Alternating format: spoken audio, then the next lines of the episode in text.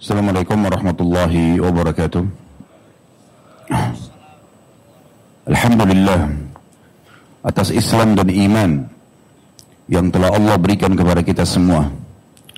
Alhamdulillah atas ilmu dan juga kesempatan untuk menuntutnya dan menyebarluaskannya. Alhamdulillah atas nikmat kesehatan, kekuatan dan kesempatan yang Allah berikan. Alhamdulillah atas nikmat pasangan hidup anak-anak. Alhamdulillah atas segala sesuatunya yang telah Allah berikan kepada kita. Dan juga kita panjatkan salam hormat kita, salawat dan taslim kepada utusan Allah Nabi besar Muhammad sallallahu alaihi wa ala alihi wa sahbihi wasallam sebagaimana Allah telah perintahkan kita untuk menyampaikan salawat tersebut. Pada kesempatan ini tentu kita mengucapkan Alhamdulillah karena setelah pandemi dua tahun sempat kajian tentang serial sahabat tablik akbar terhenti sejenak.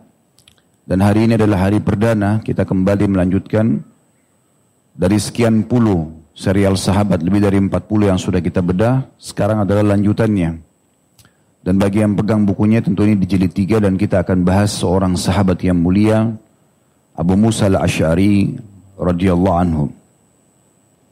Perlu saya ingatkan kembali bahwasanya pentingnya mempelajari biografi orang-orang soleh sebelum kita.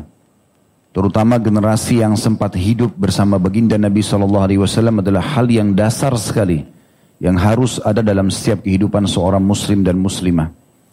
Karena orang-orang ini telah Allah pilih secara khusus untuk bisa hidup mendampingi Nabi Shallallahu Alaihi Wasallam, belajar langsung dari beliau, berinteraksi setiap harinya, mendapatkan nasihat dan wasiat secara langsung, teguran kalau mereka sedang salah.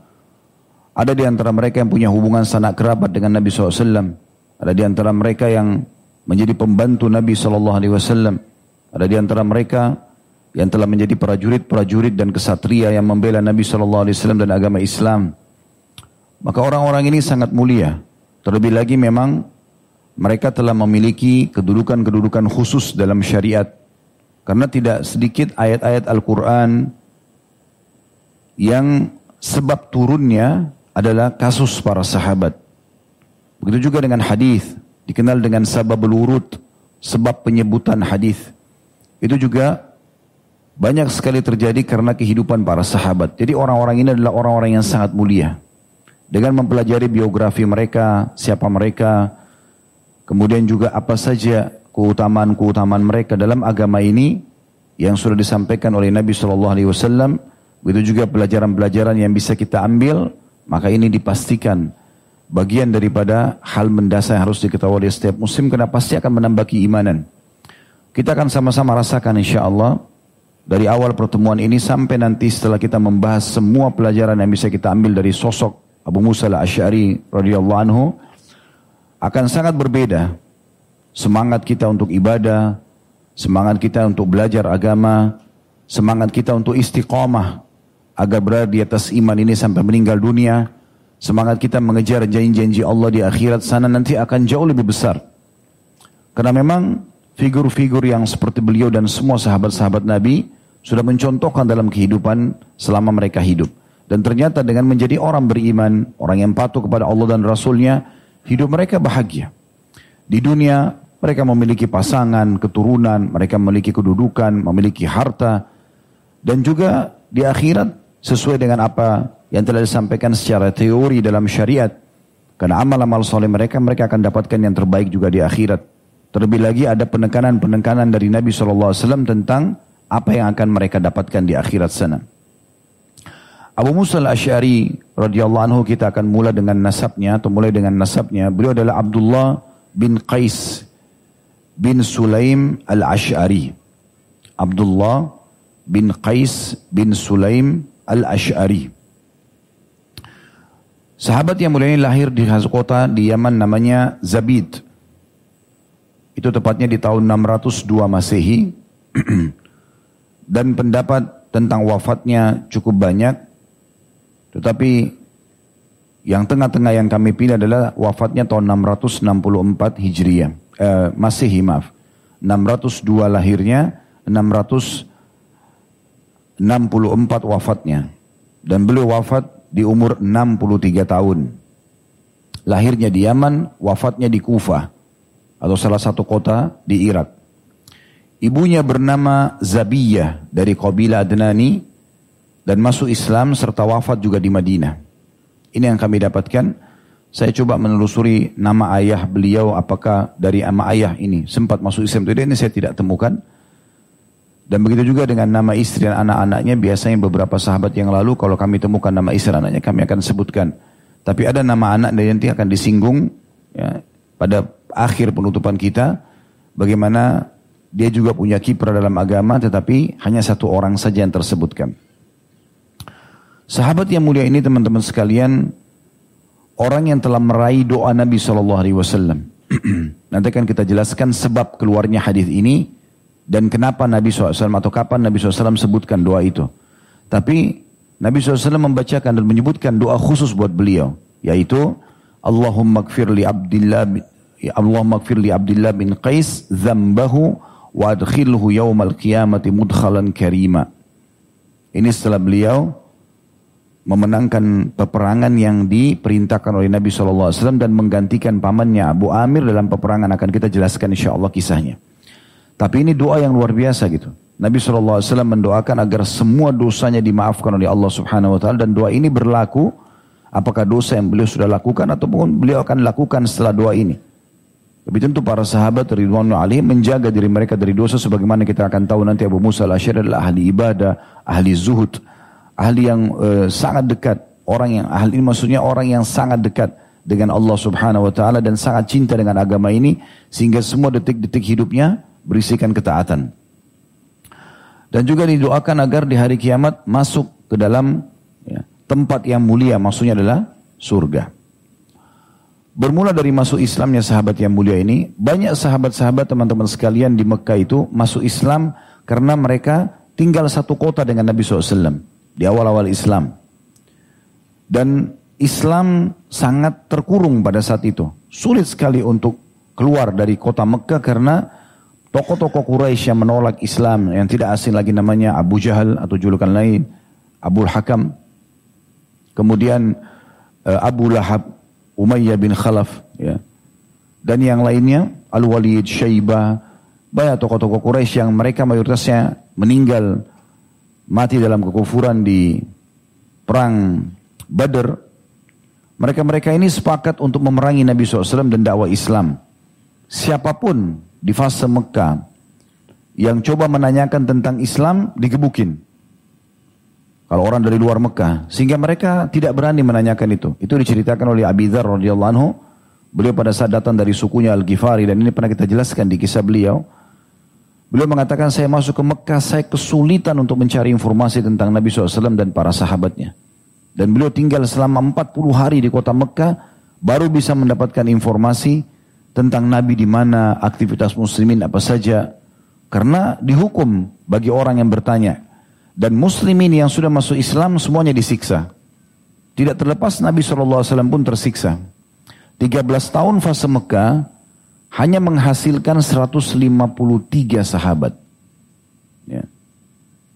Dan 83-nya karena tidak tahan dengan siksaan Quraisy, mereka diizinkan oleh Allah dan Rasul untuk hijrah ke Ethiopia, dipimpin oleh Ja'far bin Abi Thalib radhiyallahu anhu kakak kandungnya Ali bin Abi Thalib beda 10 tahun, lebih tua Ja'far dari Ali yang nanti mati syahid di perang Mu'tah radhiyallahu anhu.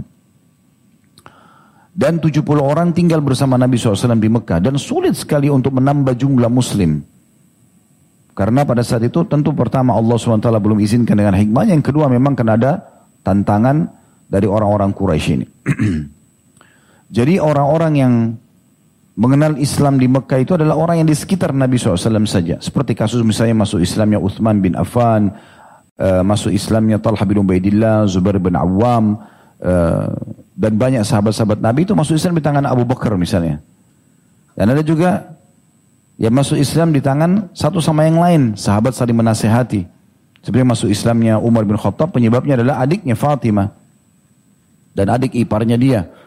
Akhirnya dia masuk Islam di tangan Nabi SAW. Masuk Islamnya Hamzah karena diganggunya Nabi SAW. Artinya di sekitar Mekah. Tapi tokoh kita ini berbeda. Ini luar biasa. orang ini tinggal di Yaman. Masa itu teman-teman untuk jalan dari Yaman menuju ke kota Mekah butuh satu bulan perjalanan. Karena antara kota Mekah dengan Yaman dan kota Mekah dengan negeri Syam, Palestina itu sama jaraknya kurang lebih. Karena Mekah berada kurang lebih di tengah-tengah jazirah Arab. Ya.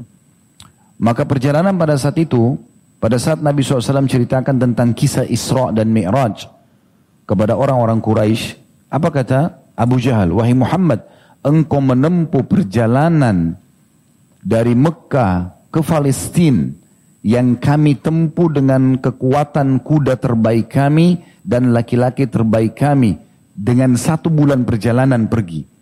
Jadi kalau orang menggunakan kuda terbaik, laki-laki terkuat dan non-stop memicu kudanya, itu baru bisa sampai ke negeri Syam satu bulan. Pulang pergi berarti dua bulan.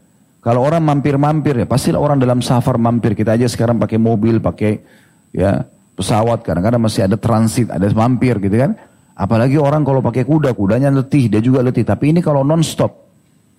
Maka Abu Jahal mengatakan, apakah kau menempuhnya dalam satu malam? Karena kisah Isra Mi'raj satu malam. Bukan cuma itu, Mi'raj ke langit. Maka ini perkataan Abu Jahal dijadikan tolok ukur tentang jarak pada saat itu. Betul juga dengan kiaman. Uniknya, subhanallah, orang ini datang dari satu negeri Yaman yang cukup jauh, hanya dengan mendengar ada seseorang yang mengaku nabi di Mekah. Dan negeri Yaman pada saat itu memang bercampur baur antara orang-orang yang menganut keyakinan Yahudi dan keyakinan Nasrani. Ya. Sebagian ada penyembah berhala. Tidak disebutkan awal agama Abu Musa al-Ash'ari dalam buku-buku sejarah sebatas ilmu kami ya. Tetapi beliau pada saat mendengarkan tentang kenabian Nabi Muhammad SAW, beliau langsung jalan sendirian dari Yaman menuju ke Mekah. Bukan hanya untuk memastikan, tapi memang sudah niat ingin beriman. Dan ini luar biasa. Di saat itu ya, di masa itu. Di masa kita sekarang saja, masih dihitung jari orang yang masuk Islam. Al-Quran sudah sempurna, ada banyak terjemahan. Dalam bahasa apa Al-Quran semua sudah ada, hampir semua bahasa ada. Ya. Penerbitan Al-Quran di Madinah, penerbitan Raja Fahad, rahimahullah, itu dalam berbagai macam bahasa. Setahu saya sudah puluhan bahkan mungkin sudah mendekati ratusan bahasa diterjemahkan. Itu saja masih banyak yang belum masuk Islam. Pengajian banyak, masjid di mana-mana. Umat Islam didengar seluruh dunia, tapi sedikit masuk. Bagaimana di masa itu? Dan di masa itu, di masa fase Mekah ini, ini ayat-ayat Al-Quran masih beberapa ayat yang kurang, yang turun, belum sempurna. Bayangkan teman-teman, ini sering saya ingatkan ya, supaya kita renungi bagaimana kedudukan sahabat-sahabat yang awal masuk Islam. Karena salah satu keutamaan Abu Musa al-Ashari nanti adalah, dia termasuk as-sabiqun al-awwalun. Orang yang pertama-tama masuk Islam. Ini nggak mudah. Bayangkan kita hidup di fase Mekah pada saat itu. Sejenak kita coba merenungi ini. Di masa itu, bangunan masih sangat sederhana. Penerangan pun masih bukan seperti kita. Menggunakan ya sumbu yang diletakkan di minyak zaitun untuk minyak samin, dan itu penerangannya sebatas itu saja. Belum ada media seperti sekarang. Orang kalau safar di masa itu, pikiran keluarganya ini mungkin kembali, mungkin tidak. Karena perjalanan tidak ada keamanan kayak kita sekarang. Sekarang orang aman, ya. berangkat ke mana-mana, Alhamdulillah. Zaman dulu gak bisa, kita keluar dari satu kota ke kota yang lain, itu bisa saja meninggal karena diserang oleh para perampok di pinggir jalan. Di fase itu, ada orang tidak bisa baca, nggak bisa nulis, ngaku seorang nabi. Lalu kemudian yang beriman masuk surga, yang kafir masuk neraka. Kira-kira antum menjadi Abu Bakar atau Abu Jahal? Hah? Ini bukan hal yang ringan, berat sekali. Di masa kita sekarang mengingatkan orang seperti antum saja kami berdakwah menyampaikan, belum tentu orang semua dapat hidayah. Belum tentu orang semua tergerak. Terbukti kapasitas masjid ini berapa dan berapa orang yang datang. Gitu kan? Bukan cuma pengajian, mungkin pengajian-pengajian walaupun Masya Allah cukup banyak yang hadir. Tetapi kita bayangkan di masa itu, ayat Al-Quran masih sedikit yang turun. Dan rata-rata ayat-ayat Makkiyah dikenal turun di Mekah itu, isinya itu peringatan tentang umat sebelum kita, ya, isinya tentang surga dan neraka. Karena untuk menyadarkan mereka dulu.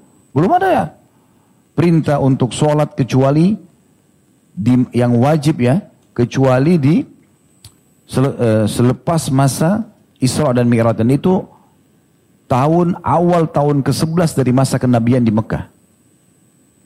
Karena kejadian Isra Miraj adalah hiburan kata sebagian ulama, hiburan Allah Subhanahu wa taala untuk nabinya Muhammad sallallahu alaihi wasallam dan juga ditambah dengan masuk Islamnya jin Nusaibin di amal huzun, di tahun kesedihan. Karena pada saat itu Nabi SAW sedih sekali karena yang selama ini membela dakwah Khadijah istri tercinta beliau radhiyallahu anha dan juga paman beliau Abu Talib meninggal di tahun yang sama. Maka dikenal dengan tahun kesedihan. Maka Allah SWT menghibur Nabi Muhammad SAW dengan masuk Islamnya jin Nusaibin, jin dari wilayah Irak yang disebutkan dalam Al-Quran. Kemudian kejadian Isra Mi'raj. Perintah puasa Ramadan belum ada. Itu terjadi di tahun 2 Hijriah di Mekah, di Madinah.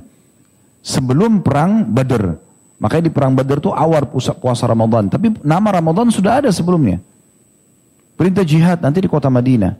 Perintah haji itu justru terjadi di tahun 9 Hijriah. Setelah pembebasan kota Mekah. Baru diwajibkan muslimin untuk haji. Jadi syariat banyak turun di kota Madinah. Di kota Mekah masih belum. Maka bayangkan bagaimana saya coba merenungi waktu saya coba membaca kisah beliau. Bagaimana orang ini bisa dengan hanya mendengar terpicu hatinya untuk datang lalu beriman. Dan bukan cuma sampai di situ ya. Kita akan lihat nanti bagaimana orang ini luar biasa dalam imannya. Istiqomah dengan keimanan dan amal soleh sampai bisa melampaui ya melampaui amal-amal dan ilmu sahabat-sahabat yang betul masuk Islam di Mekah. Makanya beliau salah satu dai yang diutus oleh Nabi SAW ke negerinya sendiri Yaman. Dan pada masa itu untuk menjadi dai harus punya kapasitas ilmu, gitu kan? Walaupun sekarang juga begitu. Tapi di masa itu harus betul-betul menguasai yang sudah turun dari wahyu Allah SWT baru bisa menyampaikan agama Islam. Dan beliau dengan izin Allah SWT dikaruniahi suku Al-Ash'ari namanya. Suku ini juga memang suku yang terkenal sangat baik secara komunitas ya. Bukan individual. Secara komunitas memang suku ini sangat terkenal dan umumnya berada berasal dari negeri Yaman yang juga dipuji oleh Nabi Shallallahu Alaihi Wasallam. Mungkin ini juga termasuk faktor utama kenapa beliau pada saat itu ingin beriman. Makanya di lembaran pertama dalam buku kita ini di halaman 303-nya itu penulis mengangkat tentang berasal ber, bermula kisahnya dari masuk Islamnya karena perjuangan dia ingin mendengarkan kebenaran dan juga karena berasal dari negeri Yaman dan suku dia sendiri yang terkenal dengan kelembutan hatinya. Diangkat sini sabda Nabi sallallahu alaihi wasallam, "Atakum ahlul Yamani hum araqqu afidatan wa alyanu quluban al-imanu yamanin wal hikmatu yamaniyah." Artinya, telah datang kepada kalian penduduk negeri Yaman. Mereka adalah orang yang paling lembut dan halus hatinya. Iman itu adalah Yaman dan hikmah itu juga dari Yaman. Nanti akan kita jelaskan di pelajaran ya, ad-durus wal ibar yang kita ambil nanti tentang masalah kedudukan orang-orang Yaman ini nanti akan lebih jauh. Tapi ini yang diangkat oleh penulis ini. Begitu juga dalam riwayat lain, atakum, tentu tadi riwayat Bukhari Muslim ya. Riwayat lain, atakum ahlul Yamani adha'afu quluban wa araqqu afidatan al-fiqhu yamanin wal hikmatu yamaniyah. Telah datang kepada kalian penduduk negeri Yaman. Mereka adalah orang-orang yang paling lembut dan halus hatinya. Maksudnya mudah tersentuh dan mudah memahami serta meyakini. Ya. Kemudian fikih atau pemahaman agama ada pada orang-orang Yaman. Di saat mereka sudah belajar agama, maka mereka bisa jadi tolok ukur. Dan hikmah juga berasal dari Yaman. Maksudnya kebijaksanaan. Abu Musa al-Ash'ari memang di masa kecilnya sudah memungkiri banyak kejadian-kejadian yang mengganjal secara fitrah dari kaumnya, penyembahan berhala, penyembahan api, atau orang-orang yang ya, saling berperang satu sama yang lain, e, perebutan lokasi antara penduduk orang-orang Yahudi dan orang yang Yahudi dan orang-orang Nasrani, kisah yang sangat masyhur ya. Kalau pernah dengar Abraha dengan Iryad, ya kita kan cuma tahu Abraha itu dia membawa pasukan gajahnya ingin menghancurkan Ka'bah. Tapi Abroha itu adalah pasukan Nasrani dari Najasyi dari Ethiopia yang menyerang Yaman. Dan Yaman waktu itu banyak di uh, anuti oleh orang-orang Yahudi. Jadi Abu Musa al-Asyari melihat kejadian tersebut. Akhirnya dia ingin mencari tahu tentang kebenaran lebih jauh dan akhirnya mendengarkan tentang Nabi alaihi salatu wassalam. Yang lebih unik lagi, di sini penulis mengatakan Abu Musa al-Ash'ari pada saat mendengar diutus, diutusnya Al-Habib sallallahu alaihi wasallam maksudnya kekasih Allah dan kekasih kita semua Nabi Muhammad SAW, ia langsung mempersiapkan barang-barangnya lalu berangkat dengan berjalan kaki. Tadi kalau pakai kuda sebulan penuh, ini jalan kaki, bisa berbulan-bulan. Lalu kata beliau di sini, ia berjalan bak berpacu dengan angin demi meraih keuntungan melihat Al-Habib SAW dan beri, beriman kepada risalah yang dibawanya untuk mengeluarkan manusia dari gelapan kegelapan atau kesesatan pada saat itu menuju cahaya keimanan dengan izin Allah yang Maha Penyayang dan juga Maha Pengampun. Begitu tiba di Mekah dan melihat Nabi SAW, maka ia pun segera masuk Islam. Baru bertanya tentang agama. Ini petunjuk dari Allah SWT kepada beliau. Diceritakan setelah dia masuk Islam dan dia duduk setelah syahadat di hadapan Nabi SAW dan mendengarkan beberapa petuah Nabi, maka yang terjadi adalah Abu Musa al-Ash'ari langsung mengajak pamannya namanya Abu Amir yang kebetulan ada bersama dia pada saat itu. Mereka berdua jalan dari Yaman menuju ke Mekah. Tapi Abu Amir ini cuma ikut saja, dia belum berpikir untuk masuk Islam. Cuma begitu Abu Musa al sudah syahadat, dia langsung mengajak di malam berikutnya pamannya Abu Amir untuk masuk Islam.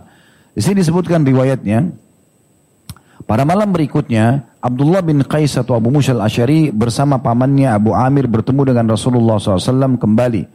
Nabi SAW datang kepada Abu Amir, pamannya Abu Musa. Lalu berbicara dengannya sama seperti yang dibicarakan kepada Abdullah ibn Qais atau Abu Musa al-Ashari. Beliau lalu membacakan ayat-ayat Al-Quran kepadanya. Ia lalu ia pun dengan cepat beriman dan bersaksi dengan persaksian kebenaran. Nabi Muhammad SAW pun senang dengan masuk Islamnya kedua pemuda dari Yaman ini dan memuji keduanya. Karena demikian cepatnya masuk Islam hingga mendahului kaumnya yang lain. Ini nanti jadi poin sendiri ya. Karena dengan masuk Islamnya Abu Musa, masuk Islam Abu Amir. Dan dengan masuk Islam Abu Amir, maka hampir seluruh suku atau seluruh suku Asy'ari masuk Islam dan Yaman akhirnya tersebar masuk Islam justru berpicu dari sahabat yang mulia ini. Kemudian Nabi SAW menceritakan kepada keduanya tentang proses dakwahnya. Bagaimana dimulai tentang para sahabat-sahabatnya dan apa yang mereka alami dalam memperjuangkan dakwah. Juga tentang sikap kaum Quraisy terhadap dakwah ini. Lalu mengisahkan kepada keduanya tentang para sahabat yang berhijrah ke Habasyah karena menyelamatkan agama mereka dan bagaimana semakin menjadi-jadinya gangguan yang dilakukan oleh kaum Quraisy di sana. Akan tetapi Allah Subhanahu wa taala menggagalkan makar mereka dan melindungi para sahabatnya. Beliau juga sallallahu alaihi mengabarkan kepada keduanya bahwasanya agama ini pasti akan menang dan dianut oleh bangsa Arab dan bangsa asing. Ya. Allah Subhanahu wa taala akan memberikan kekuasaan bagi agama ini di muka bumi. Ini Nabi sampaikan itu kepada Abu Musa dan Abu Musa uh, dan Abu Amir radhiyallahu anhu. Apa yang terjadi teman-teman? Ini saking lembutnya hati mereka dan mudahnya mereka menerima kebenaran ya. Dan subhanallah saya setelah telusuri banyak kisah-kisah para sahabat kaum saleh, salafus saleh dulu. Salah satu penyebab lembutnya hati ini adalah e, belum ternodai dengan banyaknya masukan-masukan negatif. Contoh misal, anak-anak kecil kita kan sekarang kita sering tontonkan yang tidak jelas, ya kartun-kartun tidak jelas ceritanya. Itu tanpa kita sadari perusakan akhlak. Ya. Penjauhan dari sisi akidah. Ya. Ini berbahaya sekali. Tapi kita tidak sadar ternyata ini menjauhkan mereka dari fitrah, merusak fitrahnya. Sementara Nabi SAW mengatakan kullu mauludin yuladu alal fitrah. Semua bayi lahir pasti fitrah. Artinya dalam keadaan Islam dan memahami, mengetahui Tuhannya. Nanti dia berubah dengan lingkungan dan keadaan. Nah salah satu kelebihan orang-orang yang masih dalam kondisi kayak di masa kita sekarang, negaranya tidak terlalu berkembang, ya, biasanya mereka itu dalam kondisi lebih fitrah. Nah, termasuk seperti negeri Yaman. Sehingga di masa itu betul-betul sangat mudah mereka bisa menerima kebenaran. Pokoknya sudah disampaikan kebenaran mereka bisa menerima.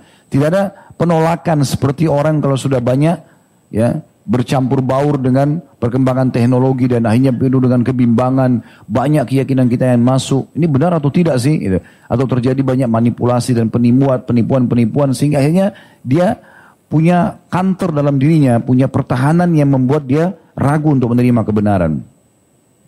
Yang terjadi setelah Nabi SAW ceritakan semua itu, maka keduanya langsung spontan ya mengatakan kepada Nabi SAW, perintahkan kami dengan perintah anda wahai Rasulullah. Terserah anda.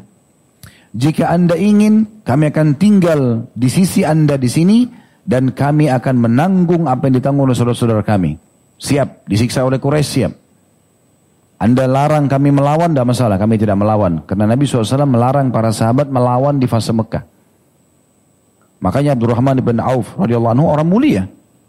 Salah satu tokoh Quraisy. Ya. Kan? Datang kepada Nabi SAW mengatakan, Ya Rasulullah, sebelum masuk Islam, kami ini punya kedudukan loh. Ada harta, tokoh masyarakat. Sekarang setelah masuk Islam, mereka menghina kita. Saya izinkan kami melawan. Jangan dibiarkan seperti ini. Maka kata Nabi SAW, tidak. Allah memerintahkan aku untuk memaafkan dan bersabar sampai diperintahkan. Habab bin Arad, radhiyallahu sahabat Nabi yang mulia, yang pernah saya ceritakan di beberapa serial sahabat yang lalu, beliau di masa Umar bin Khattab sempat Umar tanya, wahai Habab, siksaan apa yang paling berat yang pernah kau temukan dari Quraisy? Habab tidak banyak bicara, dibuka bajunya, ditemukan di tengah-tengah tulang belakangnya, di sisi kanannya bolong warna hitam, hitam kemerah-merahan dari atas sampai ke tulang ekornya. Umar langsung menangis dan para sahabat menangis. Apa yang mereka lakukan dengan kamu? Dia mengatakan, wahai Amir Muminin, aku ditidurkan, kemudian kedua tangan dan kakiku dipegang oleh empat orang, masing-masing satu, lalu diletakkan batu-batu yang sudah dipanaskan, gitu kan? Dan ditaruh di, di, di padang pasir, lalu aku diseret di atasnya, sehingga rusak semua.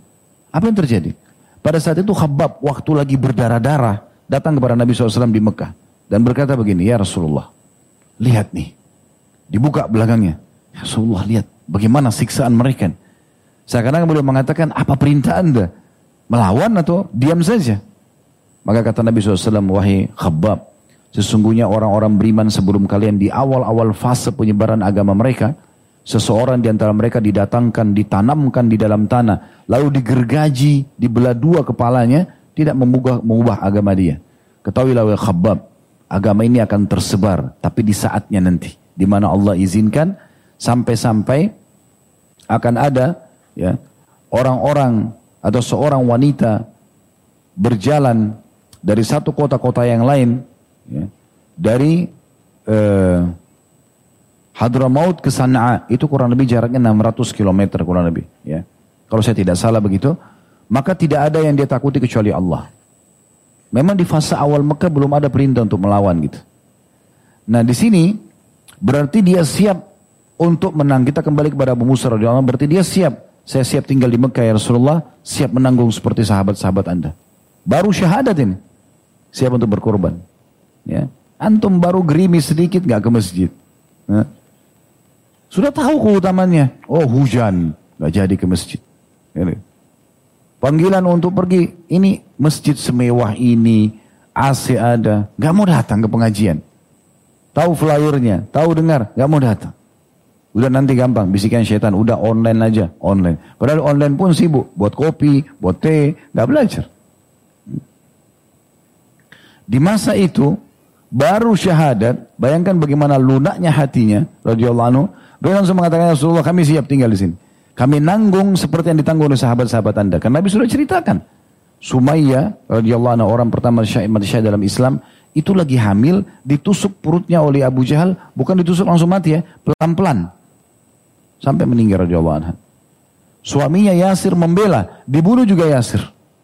Apa kata Nabi SAW? Sabran ala Yasir fa inna jannah. Sabar keluarganya Yasir. Janji kalian adalah surga. Belum bisa melawan pada saat itu. Tapi Abu Musa dan Abu Amir al siap. Ya Rasulullah, perintahkan saja. Anda suruh kami tinggal sini, kami tinggal. Dan kami akan menanggung apa ditanggung saudara-saudara kami. Lalu mereka mengatakan lagi begini. Namun, jika anda inginkan kami kembali ke kaum kami, maka kami akan mengajak mereka ke agama anda ini. Dan jika anda menginginkan kami menyusul saudara-saudara kami ke Ethiopia, ke Habasyah, maka kami pun akan bersama dengan mereka. Tiga hal yang Nabi SAW ceritakan kondisi muslimin, mereka mengatakan siap, perintahkan saja ya Rasulullah. Ini luar biasa imannya. Ya. Tinggal bagaimana saja mau mengikuti apa yang Rasulullah perintahkan selesai. Dan sekarang setelah Nabi SAW meninggal perintah Nabi tetap berjalan. untuk taat, bertakwa kepada Allah, lakukan ibadah-ibadah, tinggalkan larangan itu berlaku. Ya. Lalu Nabi SAW memuji mereka dengan baik, kemudian menyuruh keduanya pulang menemui kaum mereka dan menyuruh mereka agar beriman kepada Allah. Hingga apabila agama beliau sudah diberikan kemenangan oleh Allah satu waktu, maka keduanya boleh hijrah. Lalu keduanya spontan mengatakan, Sami'na wa ata'na. Kami dengar dan kami patuh ya Rasulullah. Lalu keduanya pun pulang namun beberapa malam pada saat itu di kota Mekah, beliau Nabi SAW membacakan kepada keduanya sejumlah surah Al-Quran atau ayat-ayat yang sudah turun, lalu mengajarkan sholat dan cara melaksanakannya. Kemudian keduanya kembali pulang ke Yaman, keduanya telah berhasil meraih sesuatu yang paling agung ya, di dunia ini karena keduanya meraih keimanan, keyakinan dan keislaman kepada Allah eh, Tuhan alam semesta. Abu Musa radhiyallahu lalu kembali ke negerinya dengan misi berdakwah dan mengajak manusia di sekitarnya untuk masuk Islam. Sekian lama Abu Musa menghabiskan waktu di Yaman dengan mengajarkan Al-Quran, surah-surah yang beliau hafal, dan sunnah Rasulnya yang pada saat itu masih terbatas, ya, yang beliau sudah tahu.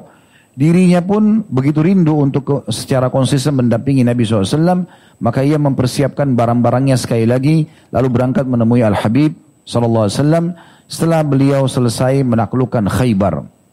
Kedatangan Abu Musa radhiyallahu berbarengan dengan kedatangan Ja'far bin Abi Thalib dari Habasyah bersama para sahabat lainnya. Lalu Nabi SAW memberikan bagian dari ghanimah untuk mereka semua. Beliau sangat gembira dengan kedatangan para sahabat ini. Jadi saya kasih gambaran dari paragraf ini. Abu Musa al-Ashari pulang ke Yaman dari awal masuk Islam. Ini di awal-awal fase masuk Islam atau Islam berkembang di Mekah. Kemudian setelah itu beliau pulang karena disuruh berdakwah di kaumnya. Sampai tibahnya waktu di mana beliau sudah tidak sabar lagi ingin bertemu dengan Nabi SAW, maka beliau pun keluar bersama dengan Abu Amir, pamannya, dan beliau bersama dengan saudaranya.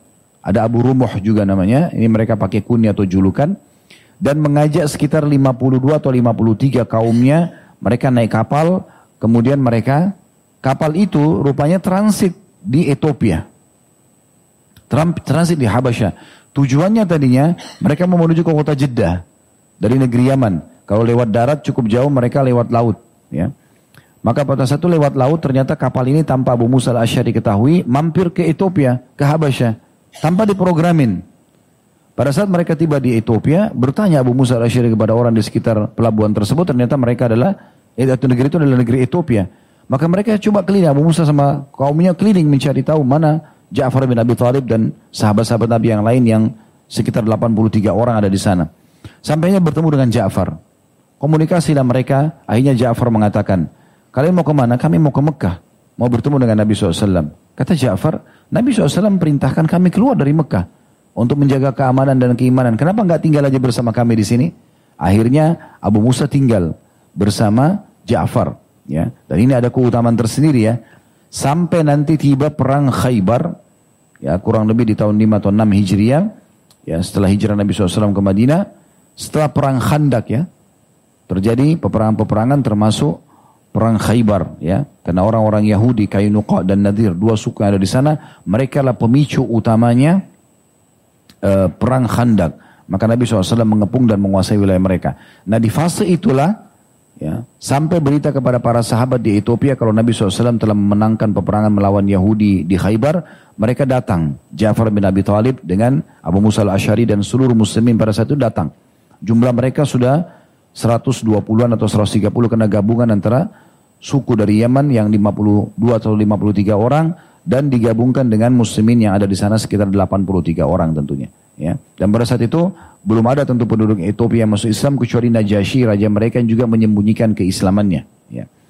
Mereka cerita pada saat itu datanglah mereka ke Madinah, kemudian mereka mendapatkan informasi kalau Nabi SAW di Khaybar, mereka menyusul ke Khaybar pada saat itu dan bertemu dengan Nabi SAW setelah Nabi memenangkan, membebaskan beberapa benteng Yahudi. Nah karena mereka datang Nabi SAW sangat gembira dan menyambut Ja'far dan juga menyambut sahabat-sahabat yang lain sambil mengatakan Aku tidak tahu mana yang lebih dulu aku ungkapkan kegembiraan.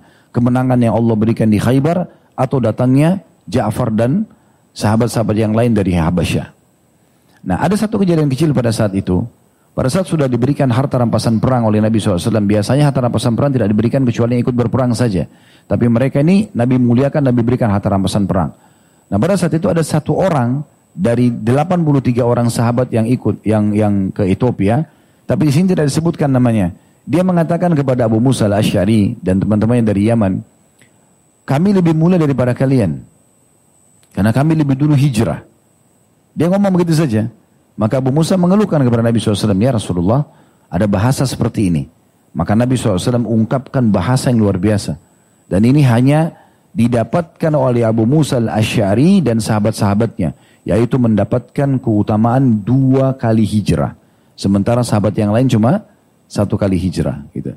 Nah itu beliau mengatakan, Laisa bi ahak bi minkum walahu wali ashabi hijratun wahida walakum antum ahal safinati hijratan. Sebenarnya kata Nabi SAW, orang yang ngomong kepadamu itu tidak lebih berhak atasku daripada kalian. Ia dan sahabat-sahabatnya memiliki satu hijrah, sementara kalian wahai penghuni atau penumpang kapal, maksudnya Abu Musa al-Ashari dan teman-temannya memiliki dua hijrah. Karena mereka sempat hijrah ke Habasyah, lalu mereka ikut hijrah ke Madinah. Dan orang-orang Asy'ari ini melantunkan syair-syair pada saat menuju ke Madinah syair yang masyhur mereka mengatakan yang artinya besok kami akan bertemu dengan orang-orang tercinta, besok kami akan bertemu dengan Muhammad dan juga kelompoknya. Saking kuatnya iman mereka, kaum Asy'ari ini dan juga Abu Musa al-Asy'ari salah satu tokoh mereka sampai turun firman Allah taala surah Al-Maidah 54 ya. Yang Allah Subhanahu wa taala menjelaskan kalau ada orang murtad dari Islam, maka Allah akan datangkan kaum yang justru mencintai Allah dan Allah mencintai mereka. Potongan ayatnya itu, Fasawfa ya'tillahu biqaumin yuhibbuhum wa yuhibbuna. Allah akan datangkan pengganti orang-orang yang murtad kaum. Kalau satu orang murtad Allah ganti dengan kaum. Kaum itu tiga orang lebih. Baru dikatakan kaum. Ya. Kalau satu orang murtad tidak usah dipikirkan. Ingatkan tidak mau dengar ya sudah. Dia tinggalkan kebenaran. Islam ya dibutuhkan bukan Islam membutuhkan penganutnya. Kita yang butuh dengan agama kita. Maka Allah mengatakan pasti akan datang kaum yang ciri mereka mencintai Allah dan Allah mencintai mereka. Kata Nabi Shallallahu Alaihi Wasallam pada saat turun surah Al-Maidah 54 ini, beliau langsung memanggil Abu Musa al-Ash'ari dalam riwayat yang disebutkan oleh Al-Hakim dan disahkan oleh beliau di jilid 2 halaman 313 dan Az-Zahabi juga setuju dengan kesohihannya Kata Nabi SAW, hum kaumuka ya Aba Musa. Yang dimaksud dengan ayat ini, mereka adalah kaum yang akan menggantikan orang-orang yang lemah dalam agama ini atau murtad dari agama ini, malas beribadah, akan Allah datangkan kaum yang kuat imannya, mencintai Allah dan juga Allah mencintai mereka. Itu adalah kau dan kaum muhai Abu Musa. Jadi di sini keutamaan tersendiri yang memang Allah Subhanahu wa taala khususkan untuk beliau. Dan kaum Nabi Musa, eh, Abu Musa al-Asyari ini radhiyallahu anhu adalah kaum yang terkenal suka sekali dengan Al-Quran. Dan ini salah satu rahasia luar biasa.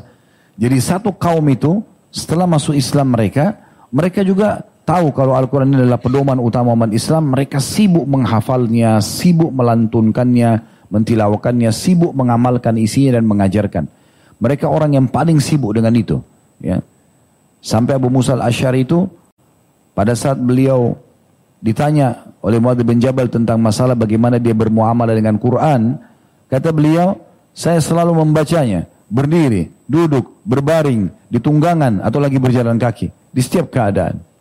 Makanya Nabi SAW menyebutkan di sebuah riwayat yang diriwayatkan Imam Muslim, Inni la'arifu aswata rufqatil ash'ariyin bil Qur'an hina yadkhuluna bil laili wa a'rifu manazilahum min aswatin bil Qur'ani bil lail wa in kuntu lam ara manazilahum hina nazalu bin nahar.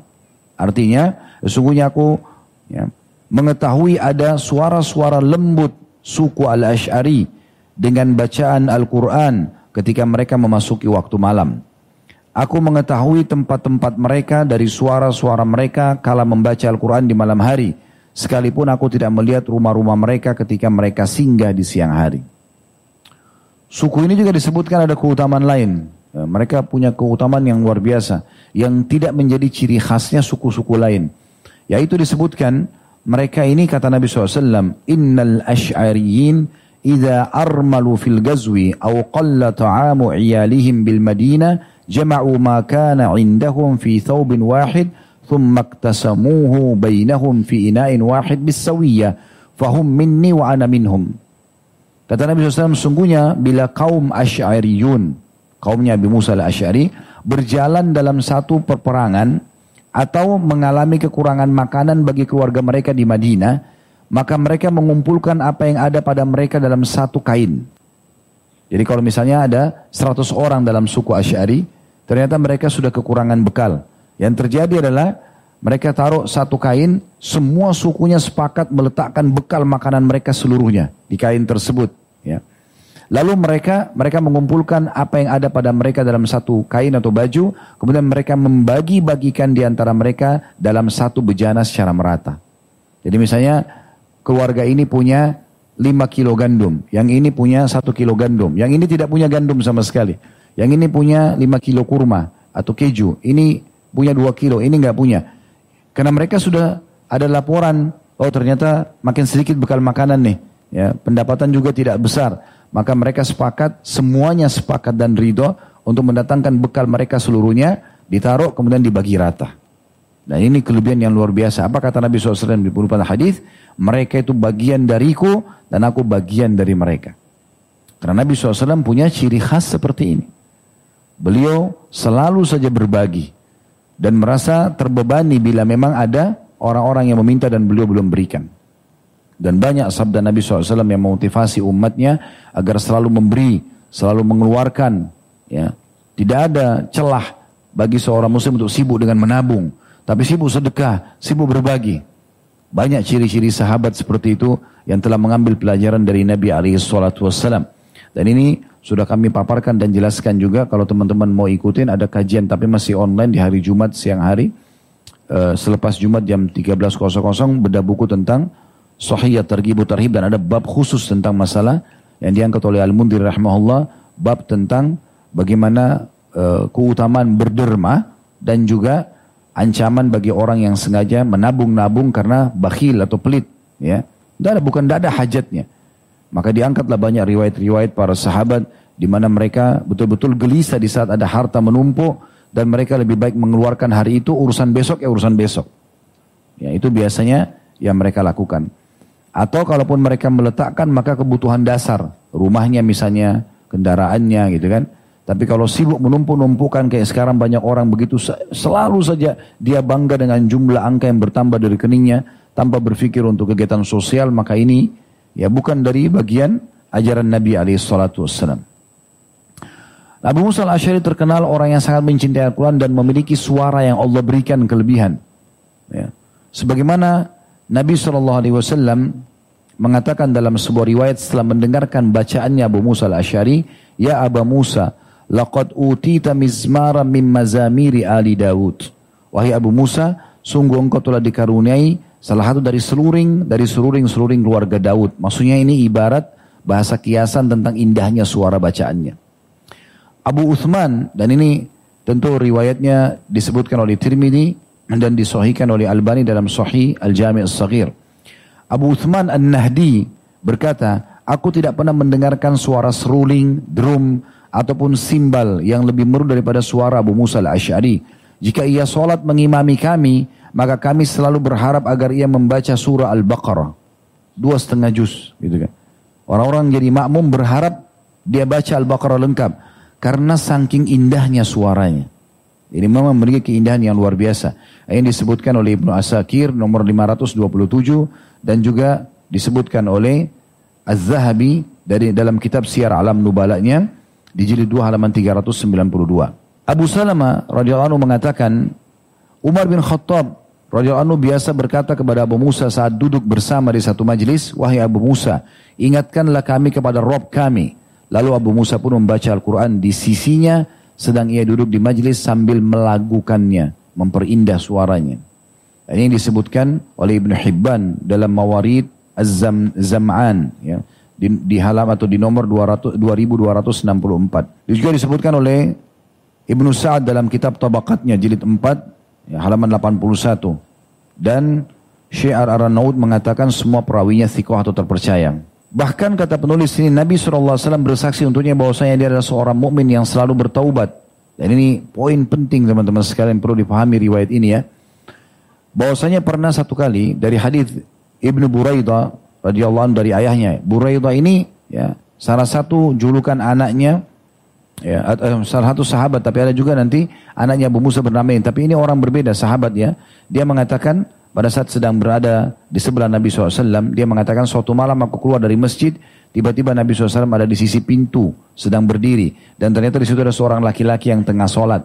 Lalu Nabi SAW berkata kepadaku, ini kata Ibnu Buraidah, Ya Buraidah, atarahu yurai, wahai Buraidah, kira-kira menurut kau orang ini riak enggak? Karena orang ini lagi sholat malam suaranya agak keras. Dan terdengarkan lantunan ayat Qur'annya. Qultu Allahu wa Rasulu a'lam. Saya mengatakan Allah dan Rasulnya lebih tahu. Saya nggak bisa nilai orang ria atau bukan gitu. Qala bal huwa mu'minun munib. Ketahuilah dan pastikan orang ini adalah seorang mukmin yang suka sekali bertaubat. Laqad utiya mizmara min mazamiri ali Daud. Dan dia telah diberikan salah satu dari suara-suara indah keluarga Daud. Karena Allah SWT berikan salah satu mujizat kepada Nabi Daud AS dan keluarganya itu memiliki suara yang sangat indah pada saat melantunkan ya ayat-ayat yang ada dalam kitab Zabur. Fa'ataituhu maka Ibnu Burair mengatakan aku pun mendatangi orang tersebut faida huwa Abu Musa fa akhbartuhu. Dan ternyata orang itu adalah Abu Musa al-Asy'ari dan akhirnya aku memberitahukan kepadanya. Nah, ini riwayat penting sekali teman-teman sekalian. Jangan mudah menilai orang riak ya. Hati-hati. Ya.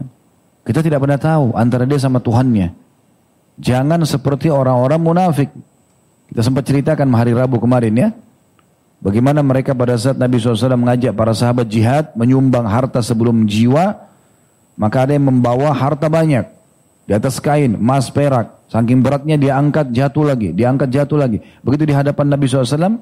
Orang-orang munafik mengatakan ria. Padahal mereka sendiri nggak nyumbang apa-apa. Setelah itu datang orang subhanallah sahabat cuma bawa beberapa butir kurma. Lalu diberikan ya Rasulullah ini saya punya. Orang munafik bicara lagi. Mau diapain berapa butir kurma? Padahal mereka tidak nyumbang. Jangan mudah memfonis orang.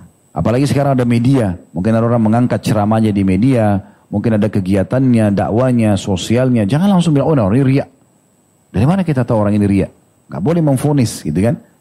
Makanya Nabi SAW memastikan di sini dari riwayat ini agar jangan orang segera atau langsung mengambil keputusan. Padahal Abu Musa al-Asy'ari itu suka melantunkan dengan suara keras. Bahkan dalam riwayat yang lain, ulah tadi itu riwayat Imam Muslim ya, yang baru kita bacakan tadi, yang Nabi SAW memastikan kalau Abu Musa al-Asy'ari adalah mukmin munib, orang mukmin yang paling suka bertaubat gitu.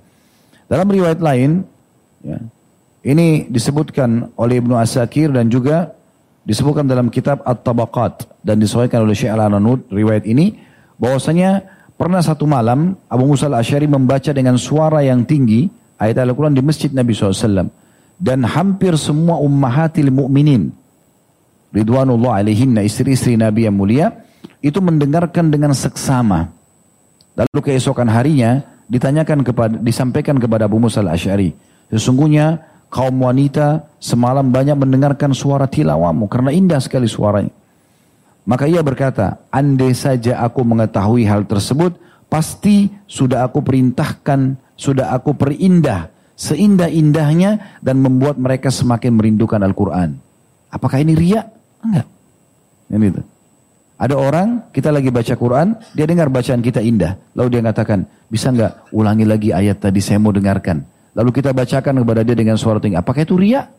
Gak boleh nilai orang sembarangan. Ya. Begitu juga banyak uh, statement yang disampaikan contoh dalam masalah ini seperti misalnya pernah Nabi SAW ya uh, bertanya kepada uh, lewat di depan rumah Umar dan rumah Abu Bakar di malam hari di waktu sholat malam.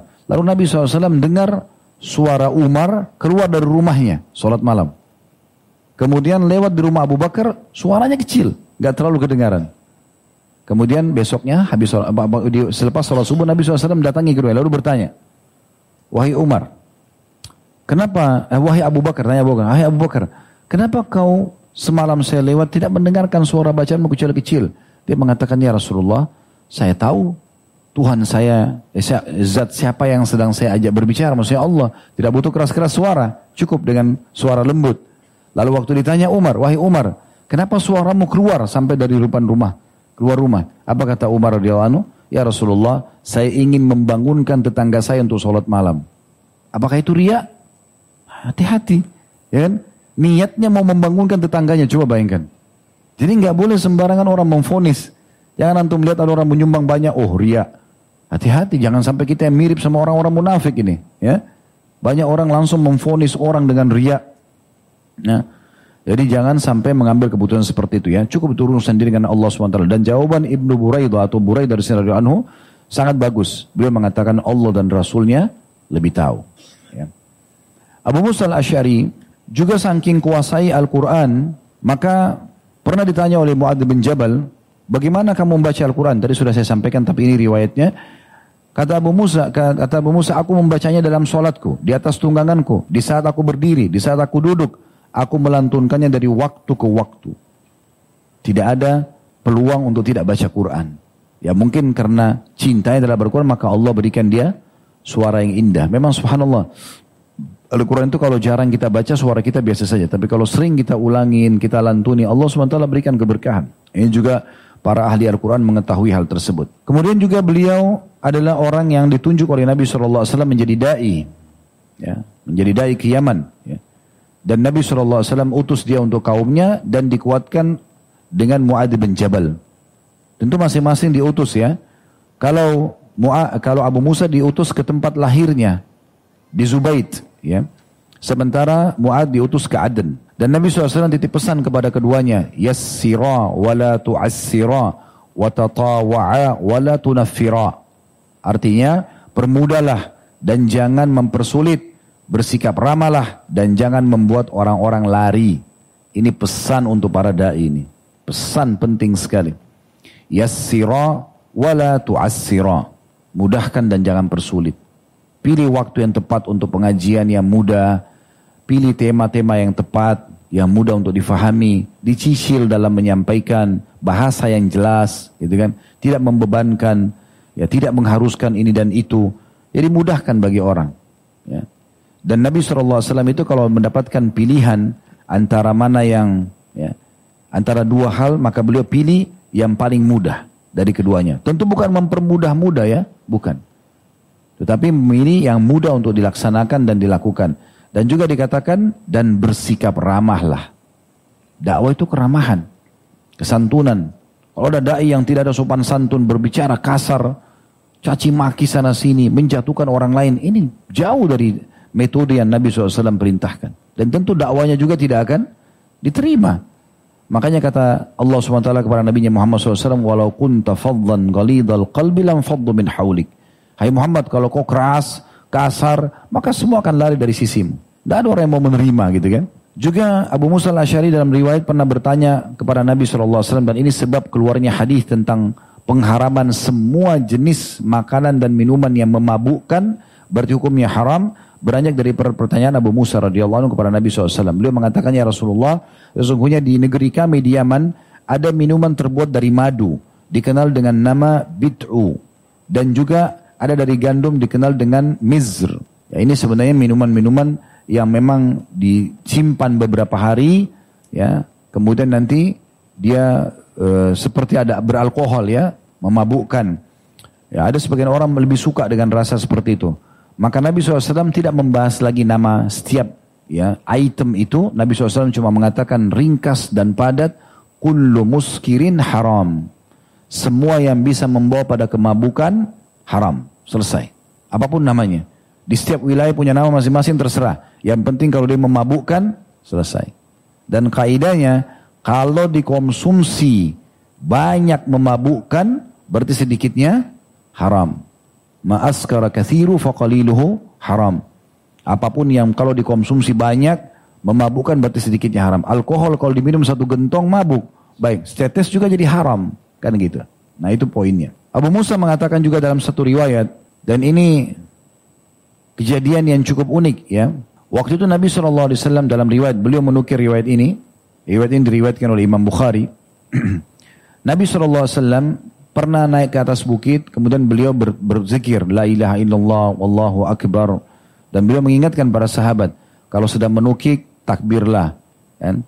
Kalau kita lagi pesawat mungkin landing, ya, uh, take off maaf, kita lagi terbang, maka kita bertakbir Allahu Akbar Allah sampai stabil gitu kan.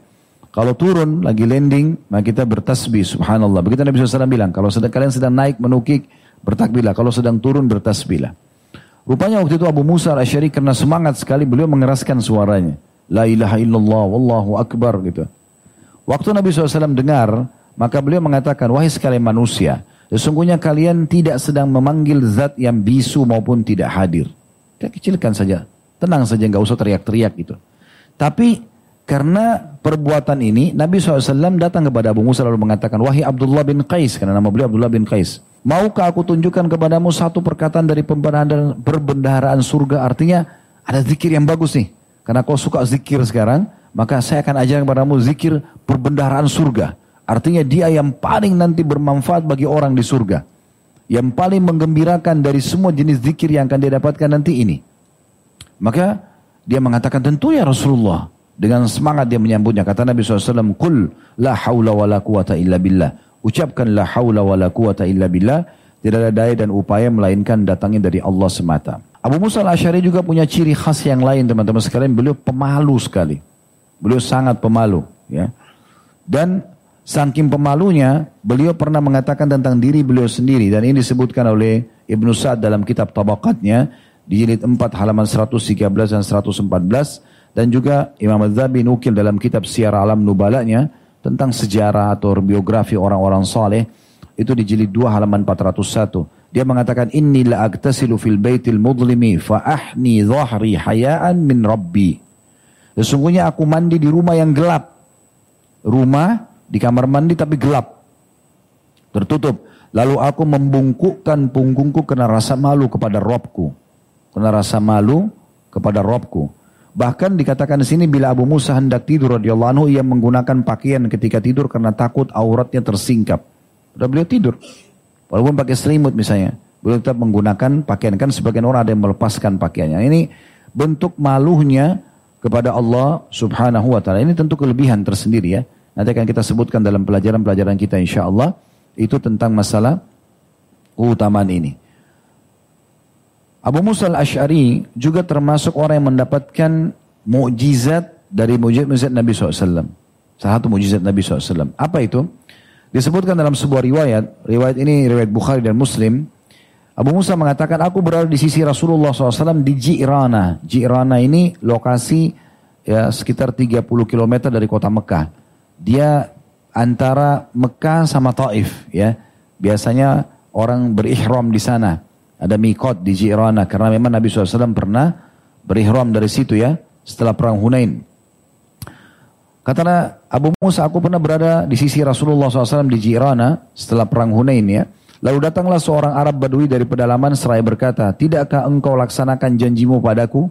Orang Badui biasa agak kasar. Ya, mereka membahasakan kepada Nabi SAW.